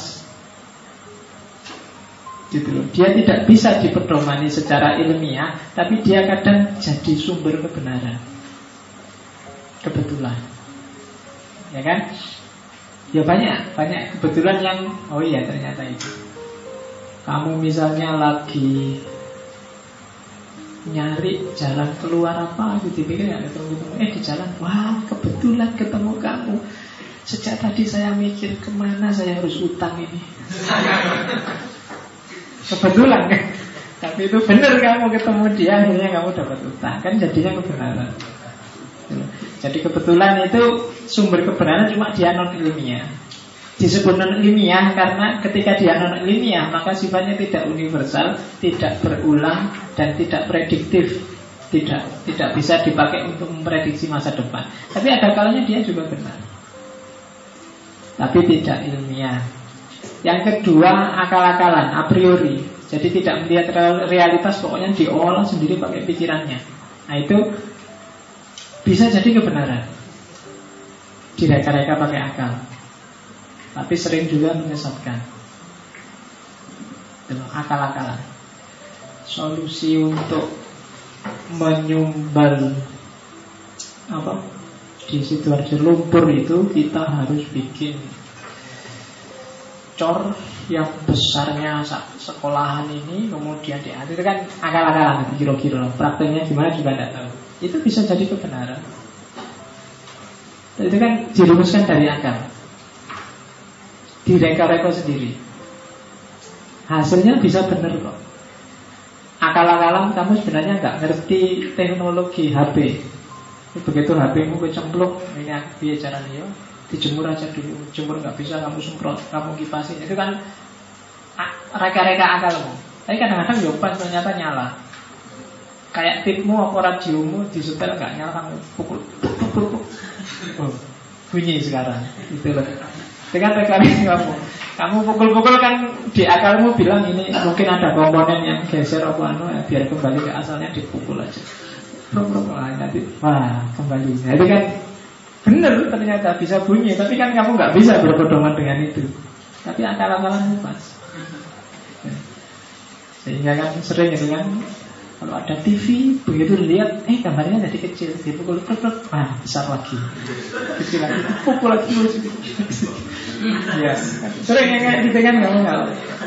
Itu pengalaman universal berarti di mana-mana Oke, yang ketiga kebenaran intuitif. Intuisi, kemarin saya jelaskan panjang lebar itu, jadi ketika tak kasih contoh intuisi yang ada ilmunya. Kenapa kok Newton itu menemukan hukum gravitasi ketika melihat apel jatuh. Dan itu ketika dia sudah mahasiswa. Kenapa kok muncul apa sejak kecil sampai dia sebelum menemu apel itu nggak pernah lihat barang jatuh? Kok baru apel jatuh itu muncul idenya? Itu intuisi. Jadi akumulasi pemikiran bawah sadar yang muncul kembali ke atas secara tidak disengaja disambungkan sama konsep-konsep di pikirannya selama ini lahirlah hukum gravitasi bahwa setiap barang jatuhnya ke bawah. Semua orang juga ngerti kalau setiap barang jatuhnya ke bawah. Sejak zaman Nabi Adam sampai zamannya Newton, tapi Newton yang bisa merumuskan namanya hukum gravitasi. Nah itu polanya cenderung agak intuitif, intuisi. Kamu mikir ujian, kamu tidak belajar tapi Dipikir nggak ketemu-ketemu tiba-tiba Ah iya saya ingat. Dosennya di rumah bilang ini pas Itu sebenarnya intuisi Kuncimu hilang Kamu cari sampai stres nggak ketemu-ketemu Terus waktu sholat tenang Oh iya. Ya Intuitif. Wahyu, ilham itu sejenis intuisi. Jadi munculnya nggak disengaja sudah. Tapi itu sebenarnya data sudah ada di bawah sadarmu. Ya kalau wahyu kita yakin itu sumbernya tidak dari bawah sadar tapi dari Allah. Tapi modus operandinya itu sama. Makanya sama Nabi itu kita percaya atau tidak percaya. Karena yang ngalami langsung itu Nabi. Tidak bisa dibuktikan objektif. Sehingga percaya pada Rasul dan kitab suci itu termasuk rukunnya iman. Kamu disuruh percaya. Karena yuk susah. Saya tidak percaya apa Nabi dapat wahyu beneran tidak ada, kamu cari rekamannya juga tidak ada. Ya kan? Dulu waktu Nabi di Gua Hiro kan nggak ada CCTV-nya, jadi Waktu dapat wahyu kan, kalau ada CCTV-nya kan enak. Loh itu, kayak kamu lihat dunia lain itu loh orang. Oh ada, ada suara mendekatkan itu terus. Enggak, enggak ada buktinya. Kamu ada percaya apa enggak? Kalau enggak percaya ya sudah. Kalau percaya percayalah. Kalau ingin selamat percayalah kan gitu. Itu pengetahuan jenisnya intuitif. Yang D coba-coba, coba-coba itu trial and error. Trial and error. Ya sering lah kita tiap hari kalau ini cocok enggak? Oh enggak cocok. Kalau gitu ini, oh enggak cocok. Nah, itu trial and error. Itu kadang ketemu kebenaran juga. Meskipun dia tidak ilmiah. Yang kelima tidak ilmiah juga menemu kebenaran lewat kewibawaan. Kewibawaan itu ya otoritas. Kita bisa ketemu kebenaran lewat otoritas. Yang F spekulasi. Jadi kalau spekulasi, kalau trial and error itu biasanya terukur. Kalau spekulasi itu lebih aja. Jadi spekulasi. Ini mungkin kenapa kok BBM itu harus dinaikkan karena kalau tidak dinaikkan ini namanya pokoknya spekulasi dikira-kira apakah besok kenyataannya gitu? Benar ya? Tidak tahu. Tapi spekulasi. Pedagang itu kan sering disebut spekulan. Saya beli barang ini banyak Siapa tahu nanti lakunya juga banyak. Itu kan spekulasi. Jadi Spekulan kalian punya kan Itu pengetahuan yang hasil Semacam trial and error tapi acak. Kalau trial and error itu terukur. Ini mungkin Kenapa saya kasih gini? Karena kalau dikasih lebih dikit dia akan Begitu dicoba, oh enggak pas, oh berarti salah. Rumusnya diganti, itu error. Tapi kalau spekulasi, acak aja. Ya. Sopo ngerti ketemu? Siapa tahu pas. Nah. Oke. Jadi Kalau cari jodoh Spekulasi boleh tapi jangan trial and error Ya Dua-duanya bisa ketemu kebenaran Cuma trial and error nggak boleh Kalau trial and error itu Ya, begitu kamu kira-kira ini pas enggak? Ah, ternyata enggak pas. Ganti Pak. Oh, nah, spekulasi boleh. Sudahlah, saya sama ini aja. Enggak apa-apa. Sudah nikah, Tapi kalau and error jangan. Coba dulu ya Pak. Yuk, coba. ya, nanti jadi masalah. Oke, sudah lah. Enggak usah dicoba itu. Kamu langsung nikah aja. Ada yang bilang pacaran setelah nikah itu lebih indah. Kalau menurut saya setelah nikah jangan cuma pacaran, rugi. ya. Jadi ngapain kamu sudah nikah kok cuma pacaran? Ya enggak enggak kisah kapok ngomong. Ya, pacaran kok setelah nikah ya. Kalau sudah nikah itu ya hakmu seutuhnya. Kalau pacaran kan enggak. Makanya ada yang bilang, Pak pacaran itu boleh apa enggak? Yo, boleh enggak? Ya tergantung caranya pacaran gimana? Ya kan? Saya kalau saya kalau pacaran sama dia itu saya enggak ngapa-ngapain, cuma tak batin aja pak. Jadi itu kan enggak apa-apa, enggak apa-apa. Kalau cuma dibatin aja enggak apa-apa. Ya, itu lewat SMS tidak apa-apa asal SMS-nya bagus-bagus jadi kan sekarang banyak SMS SMS yang tidak beres tidak beres itu kan ya SMS yang bagus lah kamu sopo wahai ukti dan sudah waktunya sholat tahajud. Nah kan itu bagus kan tapi jangan isinya jangan yang aneh-aneh. Ya. Cuma jangan tanya saya pacaran yang islami gimana? Jawabannya susah. Biasanya kalau saya punya ditanya pacaran yang islami gimana pak? Yo gampang. Sesuai ajaran Islam. Kalau mau pegang tangan baca bismillah Kalau sudah selesai Alhamdulillah Jadi begitu Jangan berduaan di tempat sepi. Jadi kalau pacaran bareng-bareng. kalau kalau berdua aja kan dari pacaran itu di mall apa di mana kalau jadi jangan berduaan. Jadi harus islami. Ya nggak apa-apa berdua nanti begitu duduk berdua biar nggak saya tanya nggak mendekat. Mari kita buka pacaran ini dengan baca fatihah. Iya, al-fatihah. Eh, Nah, kalau pacaran itu memang tidak ada dasarnya. Yang boleh itu ta'aruf. ya, kayak gitu kan kamu dari pakai ta'aruf. Kalau ta'aruf boleh. Oke, yang terakhir wahyu. Wahyu itu saya bilang tadi ya tidak ilmiah memang, tapi dia bisa kok mendapatkan pengetahuan dari wahyu. Banyak malah pengetahuan yang bisa diperoleh dari wahyu.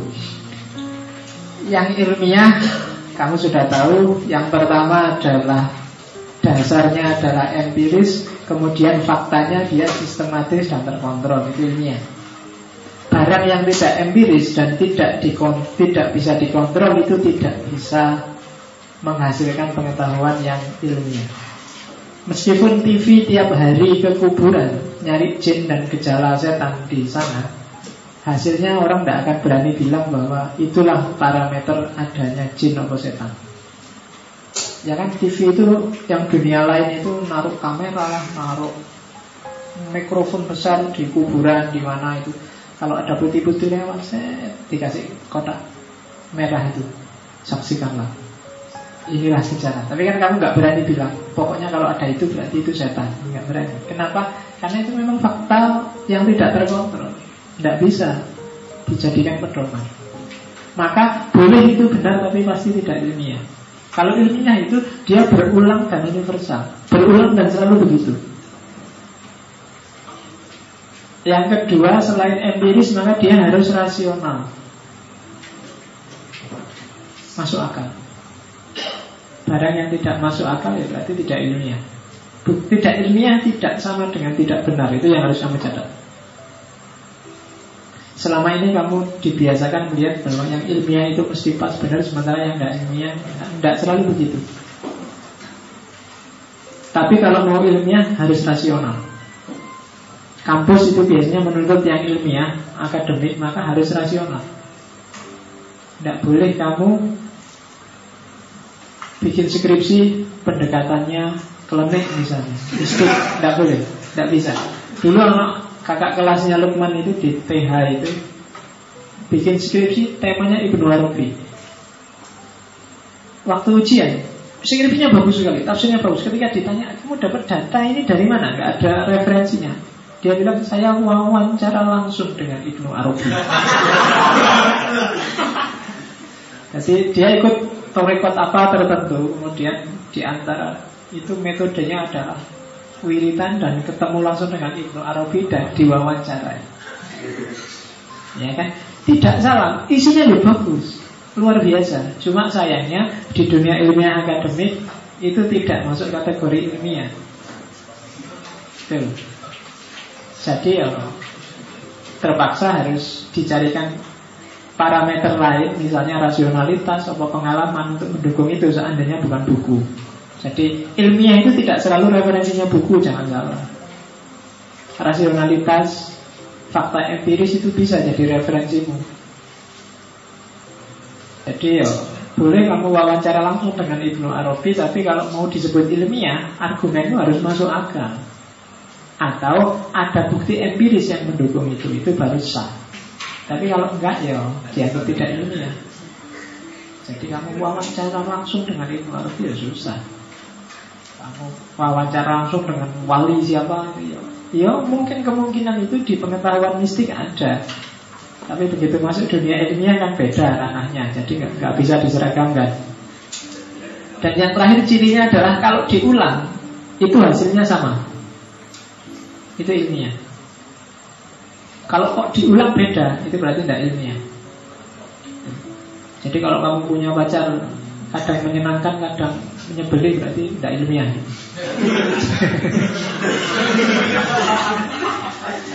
Jadi kalau kalau marah bilang aja, ternyata kamu itu tidak ilmiah. Kemarin bikin aku ketawa-ketawa, sekarang bikin aku sumpah. Nah, ya memang bukan dunia ilmiah. Jadi pengetahuan yang ada dalam kepala kita itu ada kalanya sifatnya ilmiah, ada yang non ilmiah. Silakan kamu cermati sendiri, identifikasi sendiri. Ketika saya tentang ini, pengetahuanku tentang ini itu tidak ilmiah. Tidak apa-apa, tidak ilmiah nggak selalu benar, tapi identifikasi dulu. Terus cek lagi apakah pengetahuan yang kamu miliki itu jenisnya pengetahuan biasa, apa ilmiah, apa itu pengetahuan teknik, ideologis, filosofis atau mistik, Kemudian alat yang tadi bisa jadi menghasilkan pengetahuan itu apa? Apakah itu yang bersumber dari panca indera atau dari akalmu atau dari nurani, naluri, intuisi atau imajinasi?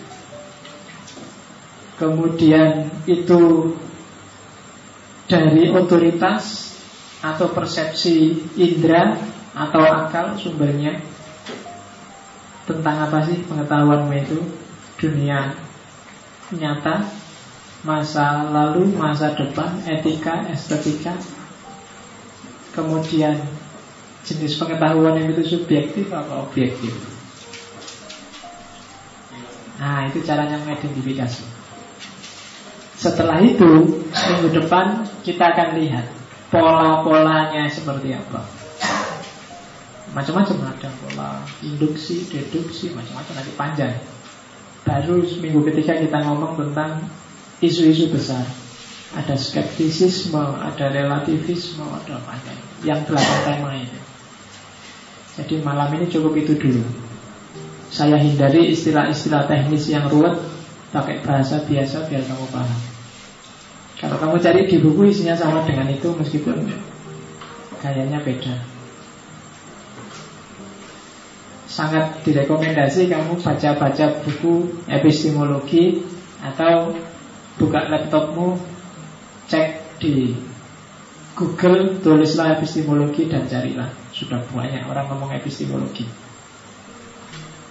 Jadi ini memetakan pengetahuan yang ada di kepalamu itu nanti berguna. Setelah kamu paham dengan peta pengetahuanmu maka baru masuk ke logika.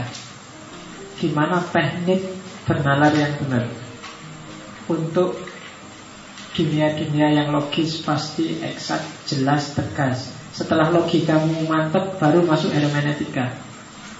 Untuk membaca fakta-fakta yang berubah dunia human yang dinamis Setelah kamu punya hermeneutika, punya logika yang kuat Baru kita masuk ke isu Membahas Tuhan Membahas alam, membahas manusia baru masuk ke level nilai yang lebih tinggi, level etika, setelah itu estetika. Setelah itu baru sah kamu jadi filosof.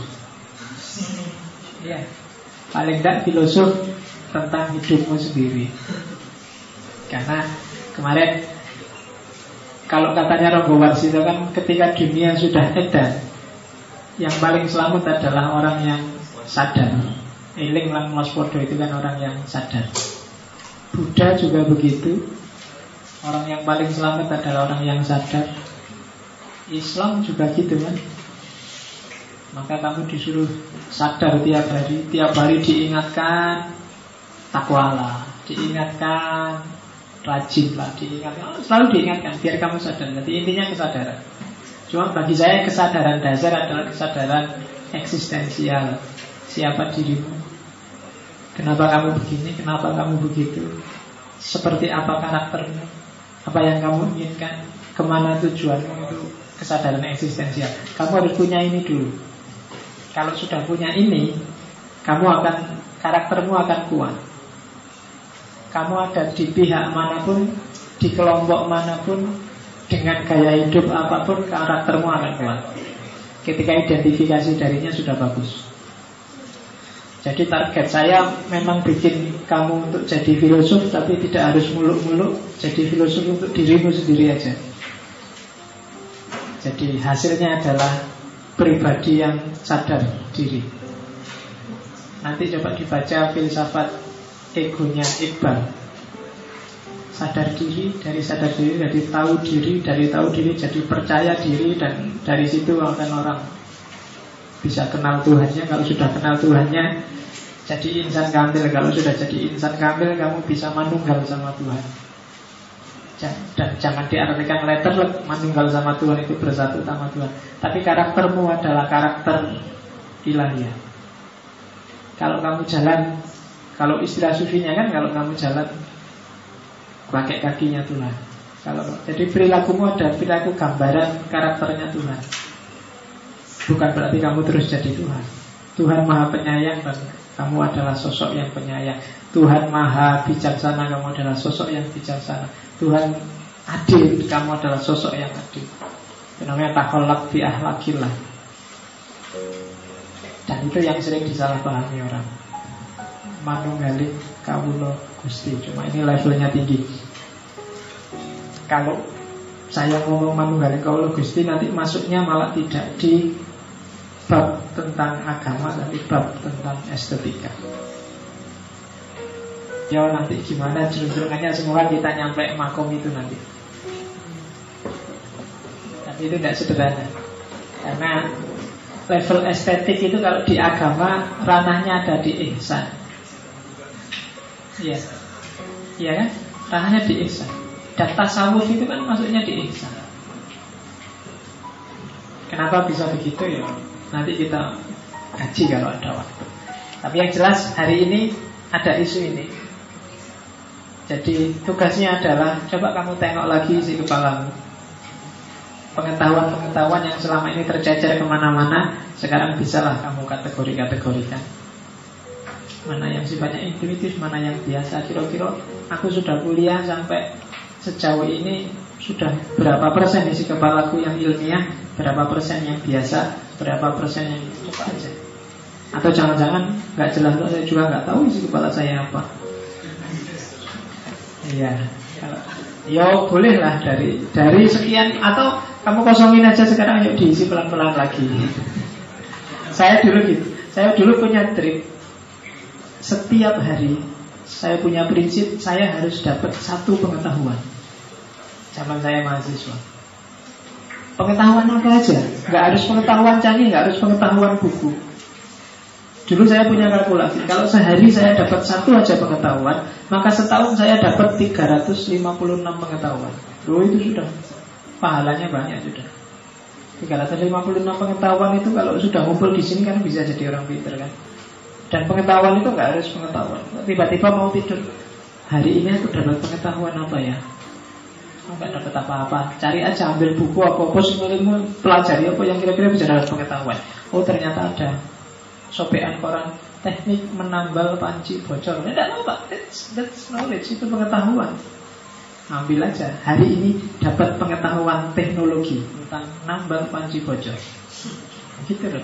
Di mana-mana ada banyak ilmu, ada banyak pengetahuan. Makanya Imam Syafi'i bilang, kalau waktuku lewat, dalam waktu yang lewat ini nggak ada satupun ilmu. Ilmu itu kalau di Arab, ilmu itu kan sama pengetahuan knowledge. Maka Aku akan sangat menyesal Aku akan Dia merasa sia-sia aku hidup Waktu aku lewat gak ada pengetahuan satupun yang aku dapat Nah Bikin aja itu prinsip Kalau habis ngobrol bareng-bareng terus Eh sebentar-sebentar sebelum kita ngobrolnya bubar Kira-kira dari ngobrol ini kita dapat pengetahuan apa Ayo satu Oh kesimpulannya adalah kita dapat pengetahuan bahwa ternyata orang itu kalau sedang marah bisa kayak gini ya. Oh ya sudah sip, hari ini pengetahuannya itu. Oh itu bagus kamu bareng-bareng tercerahkan namanya. Jadi kalau sedang ngerokok gitaran bareng-bareng sebentar-sebentar cari pengetahuan apa hari ini. Oh ternyata kalau cewek pakai bikini itu, nah itu kan tidak bagus untuk dilihat misalnya atau menyenangkan untuk dilihat. Nah, Ternyata nafsu itu gampang sekali di Ah itu tidak apa-apa Knowledge, pengetahuan. Itu jalannya untuk jadi orang itu memang gitu harus Harus agak berat sedikit, ngergoso sedikit. Oke, okay, ceramahnya sudah. Kalau ada pertanyaan Silahkan, kalau nggak ada Alhamdulillah Ya Saya mau tanyakan tentang kebenaran itu Nah, tadi kan ceritanya bahwa pengetahuan itu urgent, penting sekali. Uh, kemudian pas pertemuan yang lalu itu yang tentang pengantar filsafat itu kan ternyata kebenaran itu selalu berperang, selalu mengalami diskursus dari waktu ke waktu, dari orang ke orang, dari tempat ke tempat ya. Dan kalau kebenaran ada dengan tak gitu. apakah berarti kemudian di dalam suatu kebenaran itu ada potensi kesalahan? Apakah kemudian bisa dibalik di dalam suatu kesalahan itu dalamnya ada potensi kebenaran? Lalu apa esensi kebenaran yang harus kita pahami dari hal itu? Kemudian saya pernah e, ngobrol dengan teman saya, teman saya bilang, ketika kita semakin berpengetahuan, sebenarnya kita itu gak, gak tidak seharusnya kita gak terlalu ke kiri atau terlalu ke kanan, kemudian kayak eyalan atau kemudian selengkapkan, tapi kita harus ke tengah. Ke tengah kita terbuka, kemudian tidak menghakimi. Selalu jadi pertanyaan saya, uh, kemarin ketika kita berpikir kita harus bertanggung jawab. Apakah Lalu gimana keterpihakan kita terhadap, terhadap suatu masalah ya? Itu yang pertama itu. Kemudian yang kedua, uh, knowledge is power. Saya melihatnya sering kali yang terjadi yang jadi masalah adalah tentang pengetahuan ilmiah itu selalu bertentangan dengan uh, pengetahuan masyarakat sendiri. Gitu dan pengetahuan ilmiah itu selalu diukur dengan hal yang ekonomis. Lalu gimana posisi kita di antara dua hal itu? Oke. Okay. Uh, eh, si, si. Ini belum tak masukkan ya yang perilaku filosof. Ini kemarin. Kalau yang kebenaran nanti kita akan ngomong khusus tentang kebenaran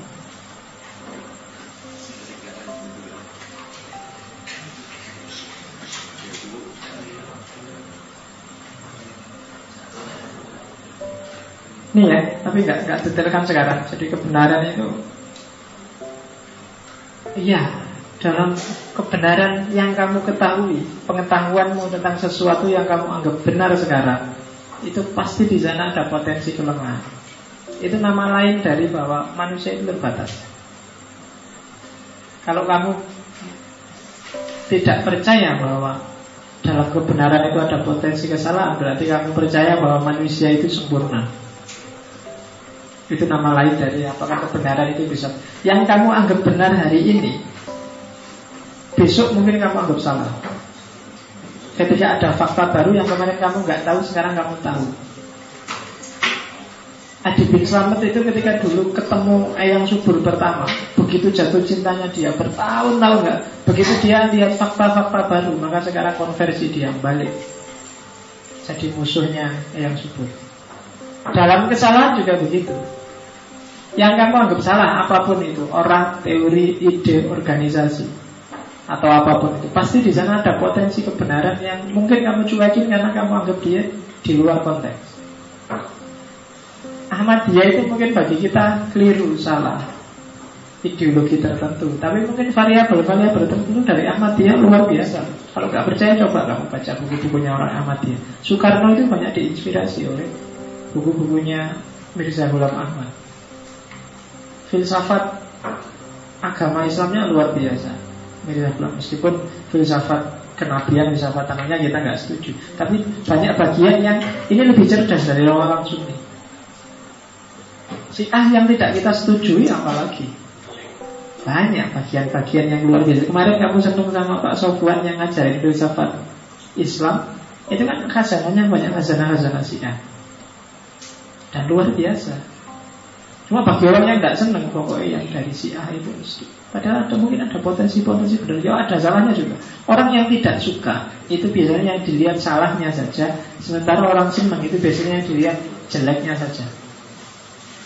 Kelompok yang suka dengan khilafah Maka dia akan mencari bagus-bagusnya khilafah Dan mencari jelek-jeleknya demokrasi.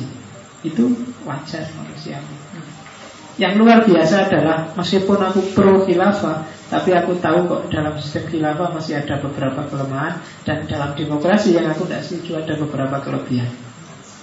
Jarang orang yang bisa begitu. Dan itu sebenarnya kalau kamu sadar kayak gini itu maka kamu harus selalu terbuka open. Cirinya filosofi itu kan kayak kemarin saya bilang kamu harus open mind. Jangan jadi orang tertutup. Saya tidak tahu apakah open mind itu maksudnya di tengah tidak ngeblok kiri apa ngeblok kanan. Yang jelas kamu harus meskipun kamu ada di kiri, kamu tidak buta tentang kanan. Meskipun kamu ada di kanan, kamu tidak sewenang-wenang dan merasa bahwa kiri pasti jelek dalam hal apa pun. Yang tidak setuju Islam liberal Percayalah dalam ide-ide tertentu Islam liberal itu ada yang bagus dan luar biasa. Kamu yang tidak setuju Islam-Islam kanan Ada beberapa idenya yang mungkin harus kamu tahu. Karena itu penting mungkin kondusif bagi identitas keislamanmu. Pasti ada yang itu. Jadi maka boleh kok kamu memegangi yang selama ini kamu anggap benar Bahkan harus karena hidup membutuhkan kamu perlu pijakan tertentu Tapi tidak berarti bahwa kamu terus tertutup sama sekali Dari alternatif-alternatif kebenaran yang baru.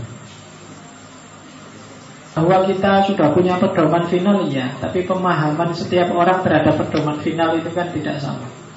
Sesuai kapasitasmu masing-masing Dalam koridor keterbatasan kita sebagai manusia. Maka ya buka terus pikiran. Jangan-jangan pikirannya orang ini ternyata lebih pas Meskipun dia mungkin dari kubu lain Tapi kan kadang-kadang kita kalau sudah kubu lain kan kita nganggapnya us gengsi ya Pokoknya orang sana mesti salah, saya mesti benar. Itu biasanya sumber konflik. Jadi kebenaran untuk sementara sifatnya tentatif. Tentatif itu pending. Dalam dunia filsafat kebenaran pending dulu, pending dulu. Mungkin ada wawasan baru. Tapi untuk praksis hidup sehari-hari kamu butuh kepastian. Maka gabungkan dua ini antara tentativity dengan certainty, antara kepastian dengan kesementaraan. Untuk praksis kamu butuh pasti loh. Kamu butuh yakin bahwa benda itu kalau dijatuhkan akan ke bawah untuk gravitasi. Tapi bukan berarti ini final. Kamu boleh mengkritik untuk gravitasi Karena itu setiap teori, setiap konsep, setiap ilmu masih dalam tanda petik bisa direvisi ulang. Pemahaman terhadap Quran semula A mungkin besok bisa B ketika ada fakta-fakta baru. Dulu orang menafsirkan wasamsu tajri li mustaqurrilaha. Matahari itu mengelilingi bumi. Ya kan? Zaman orang belum ngerti bahwa yang mengelilingi itu buminya bukan mataharinya. Begitu ada fakta baru, oh berarti pemahaman lu kemarin salah kan? Nggak mungkin yang salah Qurannya kan? Pemahamanmu yang keliru. Gitu loh. Kalau kamu enggak pokoknya ada kan? Saya kemarin diskusi ulama yang ngeyel enggak tetap benar Al-Quran. Matahari yang mengelilingi bumi. Meskipun ada fakta enggak, itu mesti keliru salah lihat. Kalau Al-Quran bumi itu datar, ya mesti datar bumi itu. Loh, sudah terbukti dari teleskop, dari luar angkasa dilihat bumi itu bulat. Eh, melihatnya dari luar angkasa. Lihat itu ya di bawah bumi. Kalau dari luar angkasa kan bisa berubah-ubah gitu. Oh nasi menunggu ya ya. Kebenaran, jangan ditutup. Saya pengerti ada fakta baru, kebenaran baru. Jadi kadang-kadang kita hari-hari ini kan sering menutup epistem. Saya sering membayangkan karena mumpung saya mengkaji tentang Imam Mahdi karena saya membayangkan seandainya Imam Mahdi beneran datang, apa kamu mau terima? Seandainya besok ada orang Dia benar sudah diutus Allah jadi Imam Mahdi Terus dia bilang Saya ini Imam Mahdi yang ditugaskan oleh Allah. Kamu mesti kan langsung Sesat, mesti gitu. Kamu percaya bahwa besok Nabi Isa itu akan turun di akhir zaman? Kamu sudah percaya bahwa Era-era ini adalah akhir zaman? Tapi kalau tiba-tiba ada orang aku Saya ini Nabi Isa. Ya kan? Kamu mesti akan mengkafir-kafirkan, menyesat-nyesatkan dia. Kamu sudah, iya, itu salah satu bukti lah. Jangan-jangan kita ini sedang sedang dilanda wabah. Pikiran kita wis buntu, tidak percaya. Meskipun itu Nabi Isa beneran, kamu tidak akan percaya. Apalagi kalau Nabi Isa nya Nabi Isa kok pakai jin Nabi Isa itu kan harusnya cuma pakai celana dalam Terus rambutnya panjang Sama panjang kalau ada orang kayak gitu beneran datang padamu Mungkin kamu lempari bu anggap Orang lagi stres Ya kan? Kalau tiba-tiba ada orang Rambutnya panjang, jenggotnya panjang Pakai kancut aja celana dalam terus datang padamu. Eh ini Nabi Isa datang. Kamu mesti langsung Ini mustahil Mesti gitu kamu kan? Iya. Coba dicermati lagi. Jangan-jangan mentalitas kita sekarang mentalitas. Saya baca di mana itu? Mentalitas Indonesia hari ini adalah Mentalitas suudon. Jadi apa-apa yang keluar duluan adalah Tuduhan jeleknya kalau ada orang naik haji, pejabat naik haji, ah, itu mesti uang hasil korupsi. Kalau ada DPR keluar negeri, ya itu jalan-jalan menghabiskan uang rakyat. Kalau ada pokoknya pikiranmu elek toh. Kalau ada pejabat naik mobil, ah, hasil korupsi. Kalau ada temenmu punya pacar cakep, ah itu sudah sisanya orang banyak. Pokoknya pikiranmu kayak elek toh, nggak pernah mikir yang bagus-bagus ya kan kalau ada temenmu nilainya bagus seperti ah itu mesti KKN sama dosennya. Ah pokoknya nggak ada yang bagus bagi kamu sekarang. Kalau nggak percaya coba bacalah komentar setiap berita di website detik apa kompas. Coba baca komentar. Berita yang paling bagus sekalipun ada komentar jeleknya. Coba aja dilihat. Ayo uji meninggal. Gitu wah kamu anggap bagus semua. Coba dicek. Ada aja yang komentar jelek Makanya kalau sedang sakit jangan naik motor.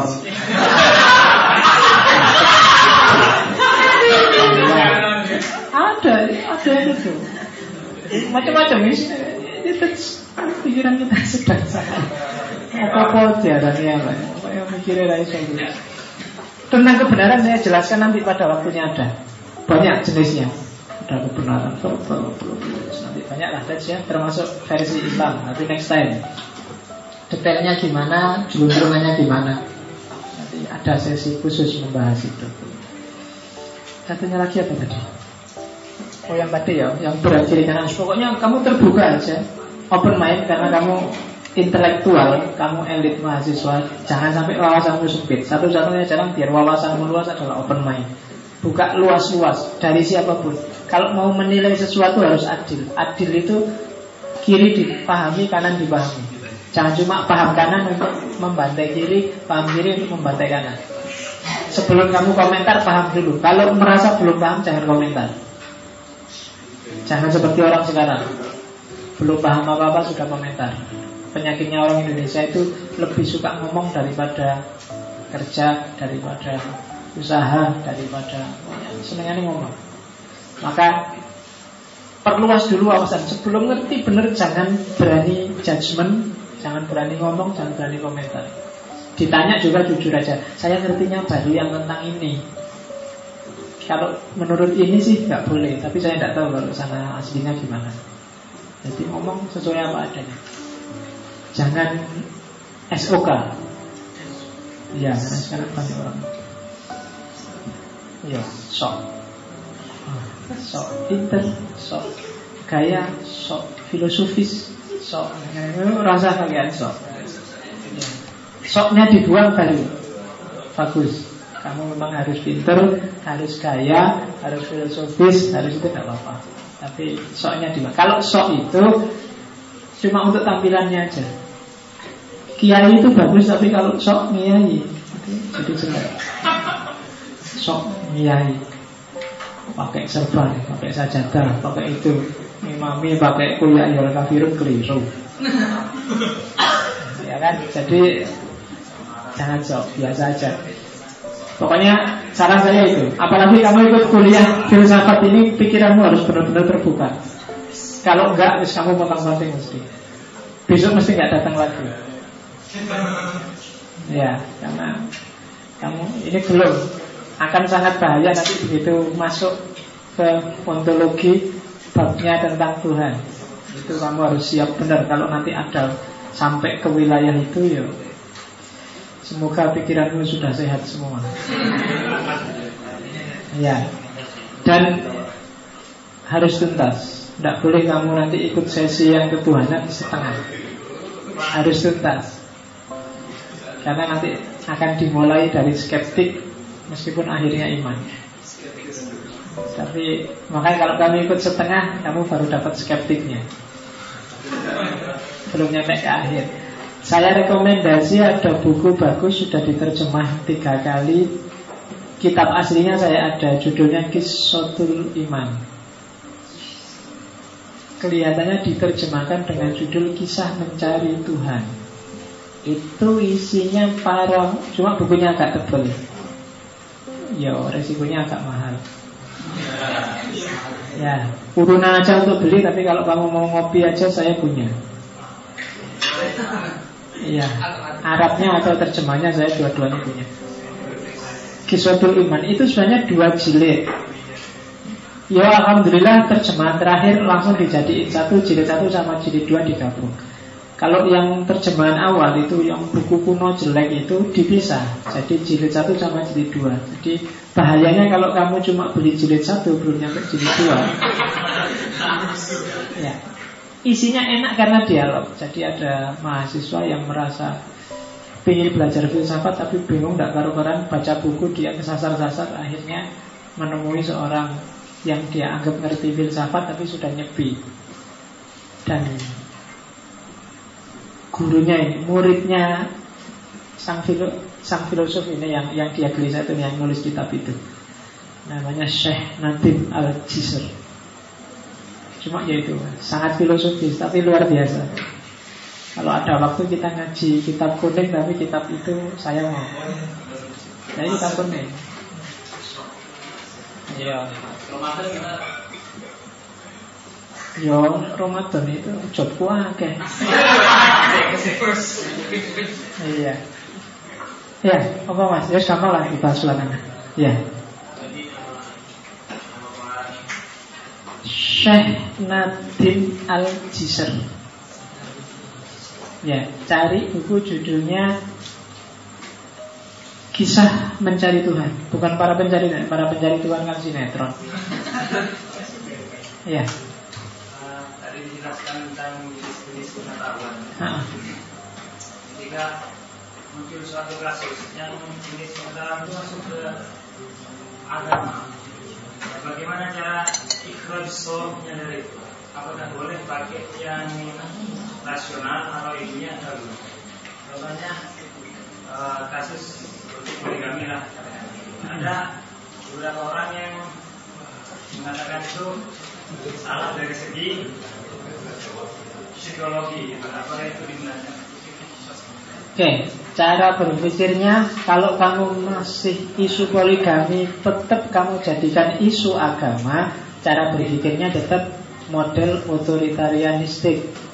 Kalau itu masih tetap jadi isu agama loh ya, bukan isu psikologi.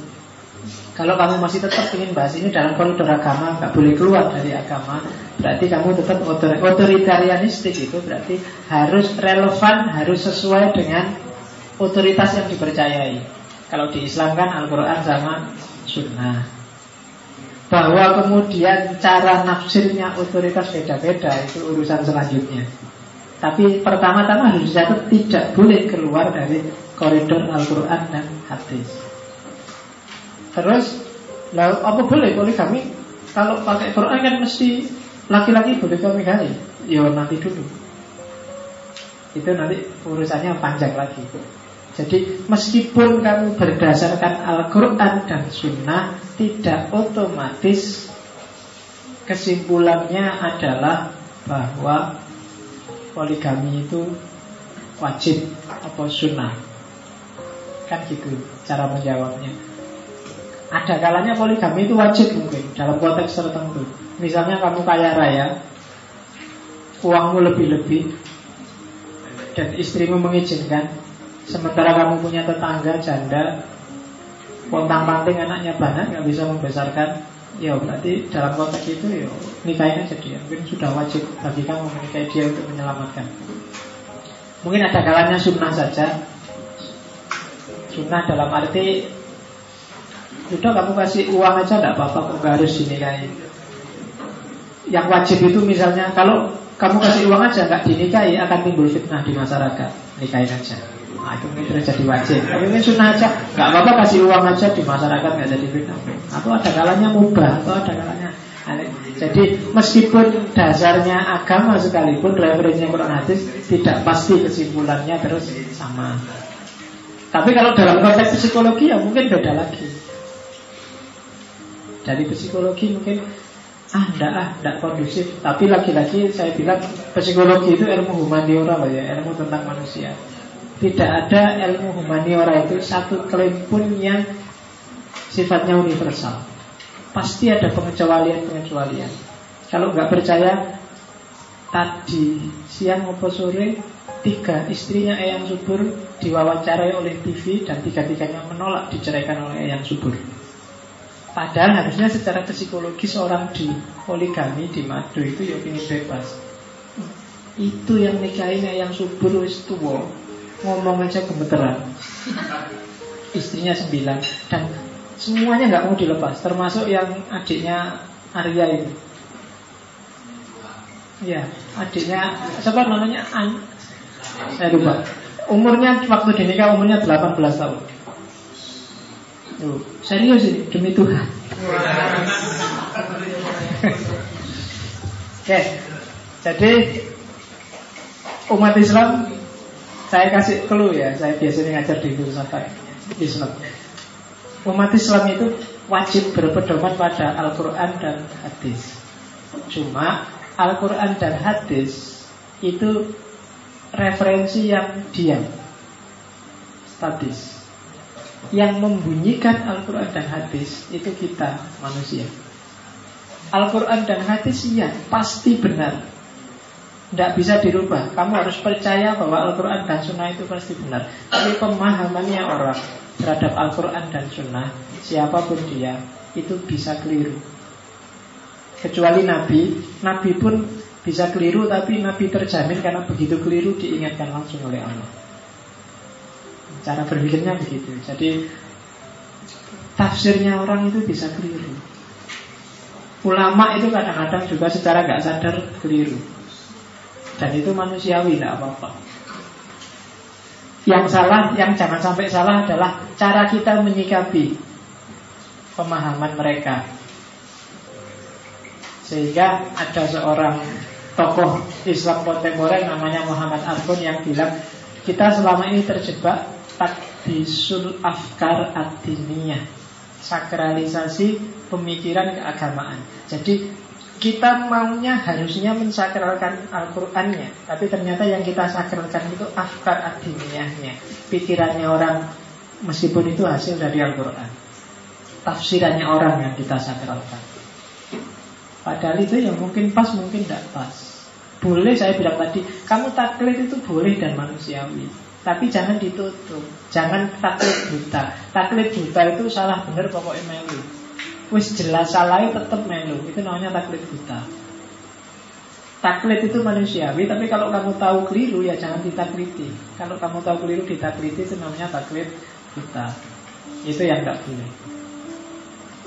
Kamu sudah tahu bahwa Doktermu itu ngasih racun Ya jangan diterima Meskipun kamu pasien harus taklid ke dokter. Kan gitu. Jadi cara berpikirnya seperti itu. Ada lagi?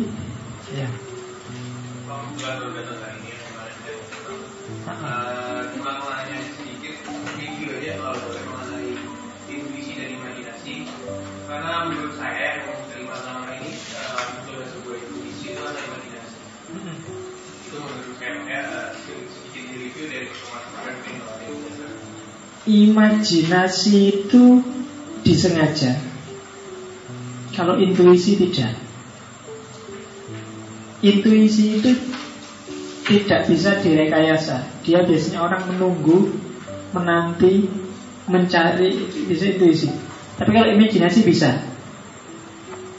Saya ingin bikin kendaraan yang jenisnya motor yang bisa boncengan laki-laki dan perempuan tapi tidak bersentuhan. Kalau pas tidak, nah, itu bisa dari itu imajinasi kan, bisa dari kayak saya.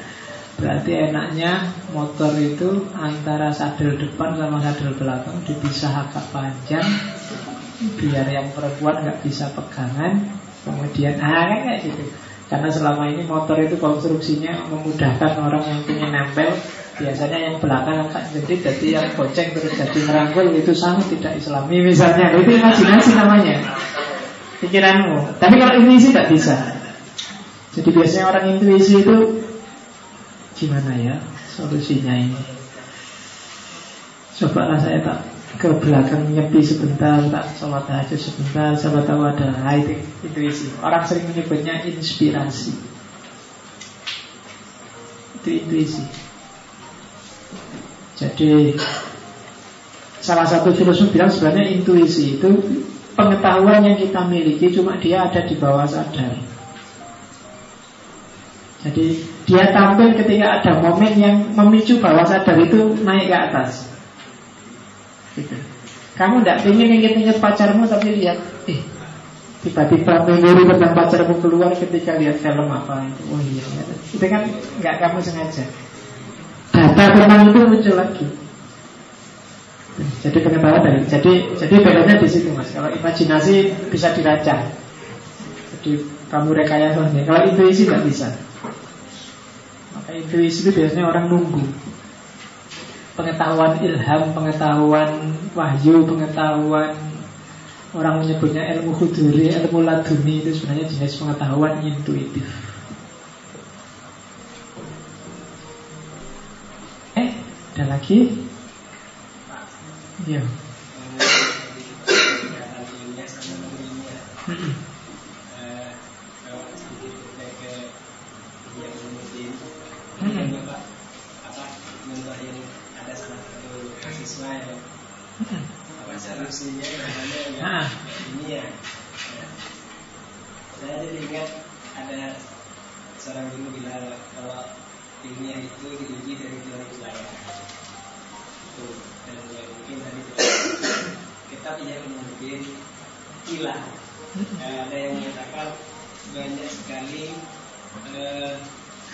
yang dinanti hasil dari dia dengan Rasulullah mungkin dalam mimpi dan sebagainya. Dan tapi kalau diuji dengan teori kelayakan sampai saat ini dia Ulumuddin masih sangat apa masih sangat relevan dalam artian banyak orang yang mengacu kepada kita itu bagaimana menurut Oke, yang jelas ilmiah dan tidak ilmiah tidak ada hubungannya dengan benar dan tidak benar apalagi dengan fungsional dan tidak fungsional. Itu Parameternya ilmiah secara umum adalah empiris dan rasional. Jadi semua yang ilmiah itu dia pasti empiris, ada faktanya, ada bukti nyatanya, dan atau rasional. Masuk akal. Tuh. Kemudian untuk kasusnya Ihya secara saya tidak tahu maksudnya kelayakan itu. Kelayakan itu mungkin maksudnya sesuai dengan standar keilmuan kalau hadis ya standar keilmuan hadis kalau ayat ya berarti standar keilmuan tafsir keilmuan Al-Qur'an. Mungkin banyak, cuma berarti itu dari sisi keilmuan agama mungkin dia levelnya dianggap tidak valid, tapi dari sisi fungsional mungkin dia valid. Apa-apa kan nanti ketika masuk kebenaran akan jelas Ada jenis-jenis kebenaran Ada kebenaran pragmatis Ada kebenaran korespondensi Ada kebenaran koherensi macam-macam. Nah mungkin yang Ghazali yang Ihya Ulumuddin itu secara pragmatis dia benar. Karena fungsional, jalan, bagus. Tapi secara koheren dia keliru. Kenapa? Karena dia tidak koheren ngomong hadis Tapi tidak nyambung sama ilmu hadis. Keliru dari sisi ilmu hadis. Itu namanya nggak koheren mungkin kasusnya seperti itu. Jadi ya ya memang kasus dan ini tidak ada hubungannya dengan mana yang lebih benar mana yang kurang benar. Tapi urusan metode. Tergantung kira-kira Ghazali nulis nulis ihya itu tujuannya apa. Dia mau berwacana berdiskusi atau dia sebenarnya ingin mengubah masyarakat pola perilaku keragamannya. Kalau memang visi dan misinya Ghazali adalah mengubah perilaku budaya umat Islam yang tidak spiritual jadi spiritual Mungkin dia sukses dengan itu. Meskipun pertanggungjawaban saintifik keilmuan agamanya Perlu dipertanyakan. Cara berpikirnya begitu.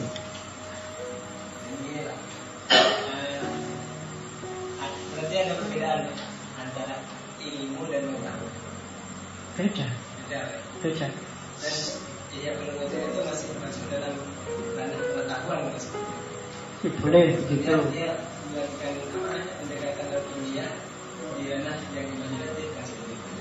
Iya. Nah tadi apa namanya uji kelayakan. Kalau uji kelayakan itu pakai sains agama juga agama itu yang disebut layak itu tidak selalu ilmiah. Ya kan? Kamu percaya ada surga, neraka, kamu itu kan tidak ilmiah semua, tapi kamu percaya ada dianggap layak. Ulumul apa? Hadis misalnya, kritik sanat. Kritik sanat itu hanya berdasarkan kepercayaan pada kredibilitas seorang rawi. Itu mungkin dalam konteks tertentu dunia ilmiah itu dianggap tidak ilmiah seperti itu. Parameternya subjektif.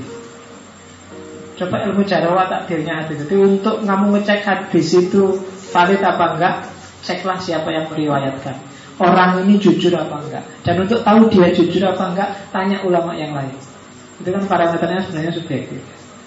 Mungkin dia ulama yang jujur luar biasa Tapi pernah punya kasus sama aku Maka bagi saya ulama itu Cuma setengah anunya nilainya. Oh itu bisa Bisa menentukan dia. Dari sisi parameter logis dan empiris mungkin tidak pas Tapi dari sisi ulumul hadis dia dianggap sudah layak Dengan parameter seperti itu. Ya kan? Karena faktanya memang nggak bisa ditemui. Itu kelemahannya ilmu hadis kan. Nanti tanya Lukman itu Hadis itu baru ditulis dan dikodifikasi berapa abad setelah Nabi wafat. Iya. Jadi ilmiah itu sangat eksklusif mas. Karena dia hanya percaya dengan yang rasional dan yang faktual masuk akal Eksklusif. Ilmiah itu eksklusif. Semua yang tidak empiris dan rasional Tidak dianggap ilmiah. Coba aja. Sains, beda sama filsafat. Maka saya ingin hari ini kamu sudah tahu bedanya Apa pengetahuan, apa ilmu, dan apa filsafat. Sains itu eksklusif, jangan salah. Kalau dia inklusif tidak akan jadi ilmu Karena dia harus spesifik mendalam. Sosiologi, sosiologi aja. Dia cuek dengan antropologi. Psikologi, yang ngertinya psikologi aja.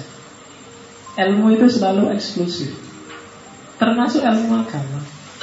Kayak tadi misalnya ilmu agama kan itu poligami menurut Al-Quran. Ilmu agama. Meskipun psikologi bilang itu nggak kondisif Itu kan psikologi.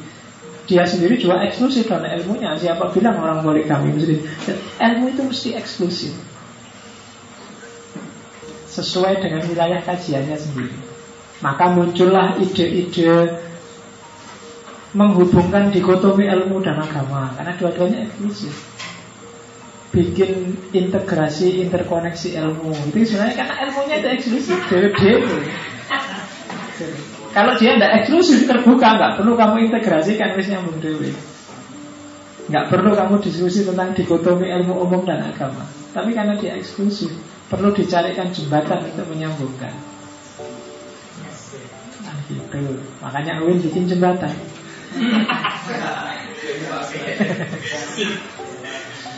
ya. Oke ya, wis pengira. Sudah malam. Oke. Okay. Singkat-singkat. Jawabannya B atau S saja. Mohon dijelaskan oh, dijelas. ulang yang terkait dengan fenomenalisme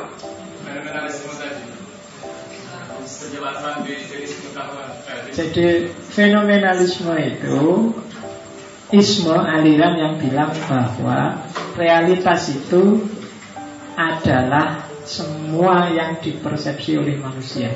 Sebatas itu.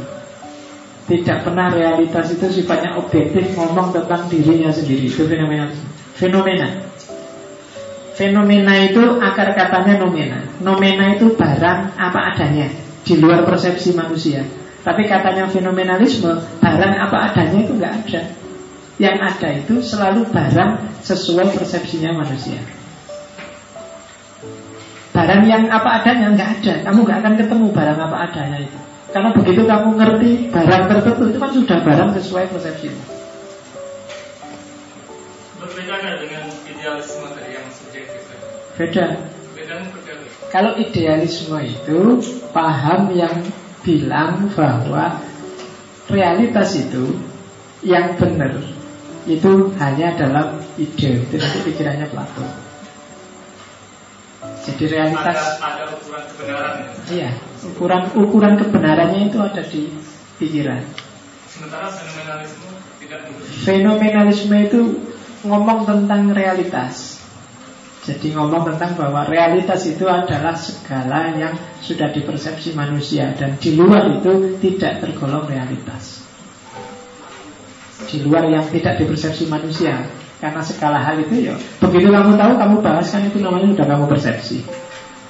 Itu fenomenalisme. Untuk lebih jelas carilah kalau tentang fenomenalisme tokohnya adalah Immanuel Kant. Nah, kamu baca Immanuel Kant. Kalau idealisme adalah yang punya paling awal itu Plato. Kamu baca Plato dulu. Setelah dari Plato kemudian masuklah ke para filosof Jerman. Puncaknya ada di Hegel. Idealisme. Jadi kalau filsafat kontinental gitu. Jerman itu terkenal idealisme. Kalau Perancis itu terkenal empirisme. Kalau Amerika itu pragmatisme. Kalau mana lagi? Eh, balik. Inggris itu empirisme, kalau Prancis itu rasionalisme, kalau Jerman itu idealisme, kalau Amerika pragmatisme, kalau Indonesia itu terorisme.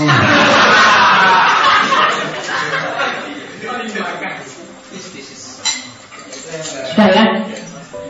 Wis ya mas. Yang yang ini akan saya ini belum selesai. Minggu depan kita ngomong lebih detail lagi dalam mode-mode pengetahuan pola-pola pengetahuan yang ada yang tiap hari kita pakai. Oke, kita akhiri sama-sama dengan hamdalah.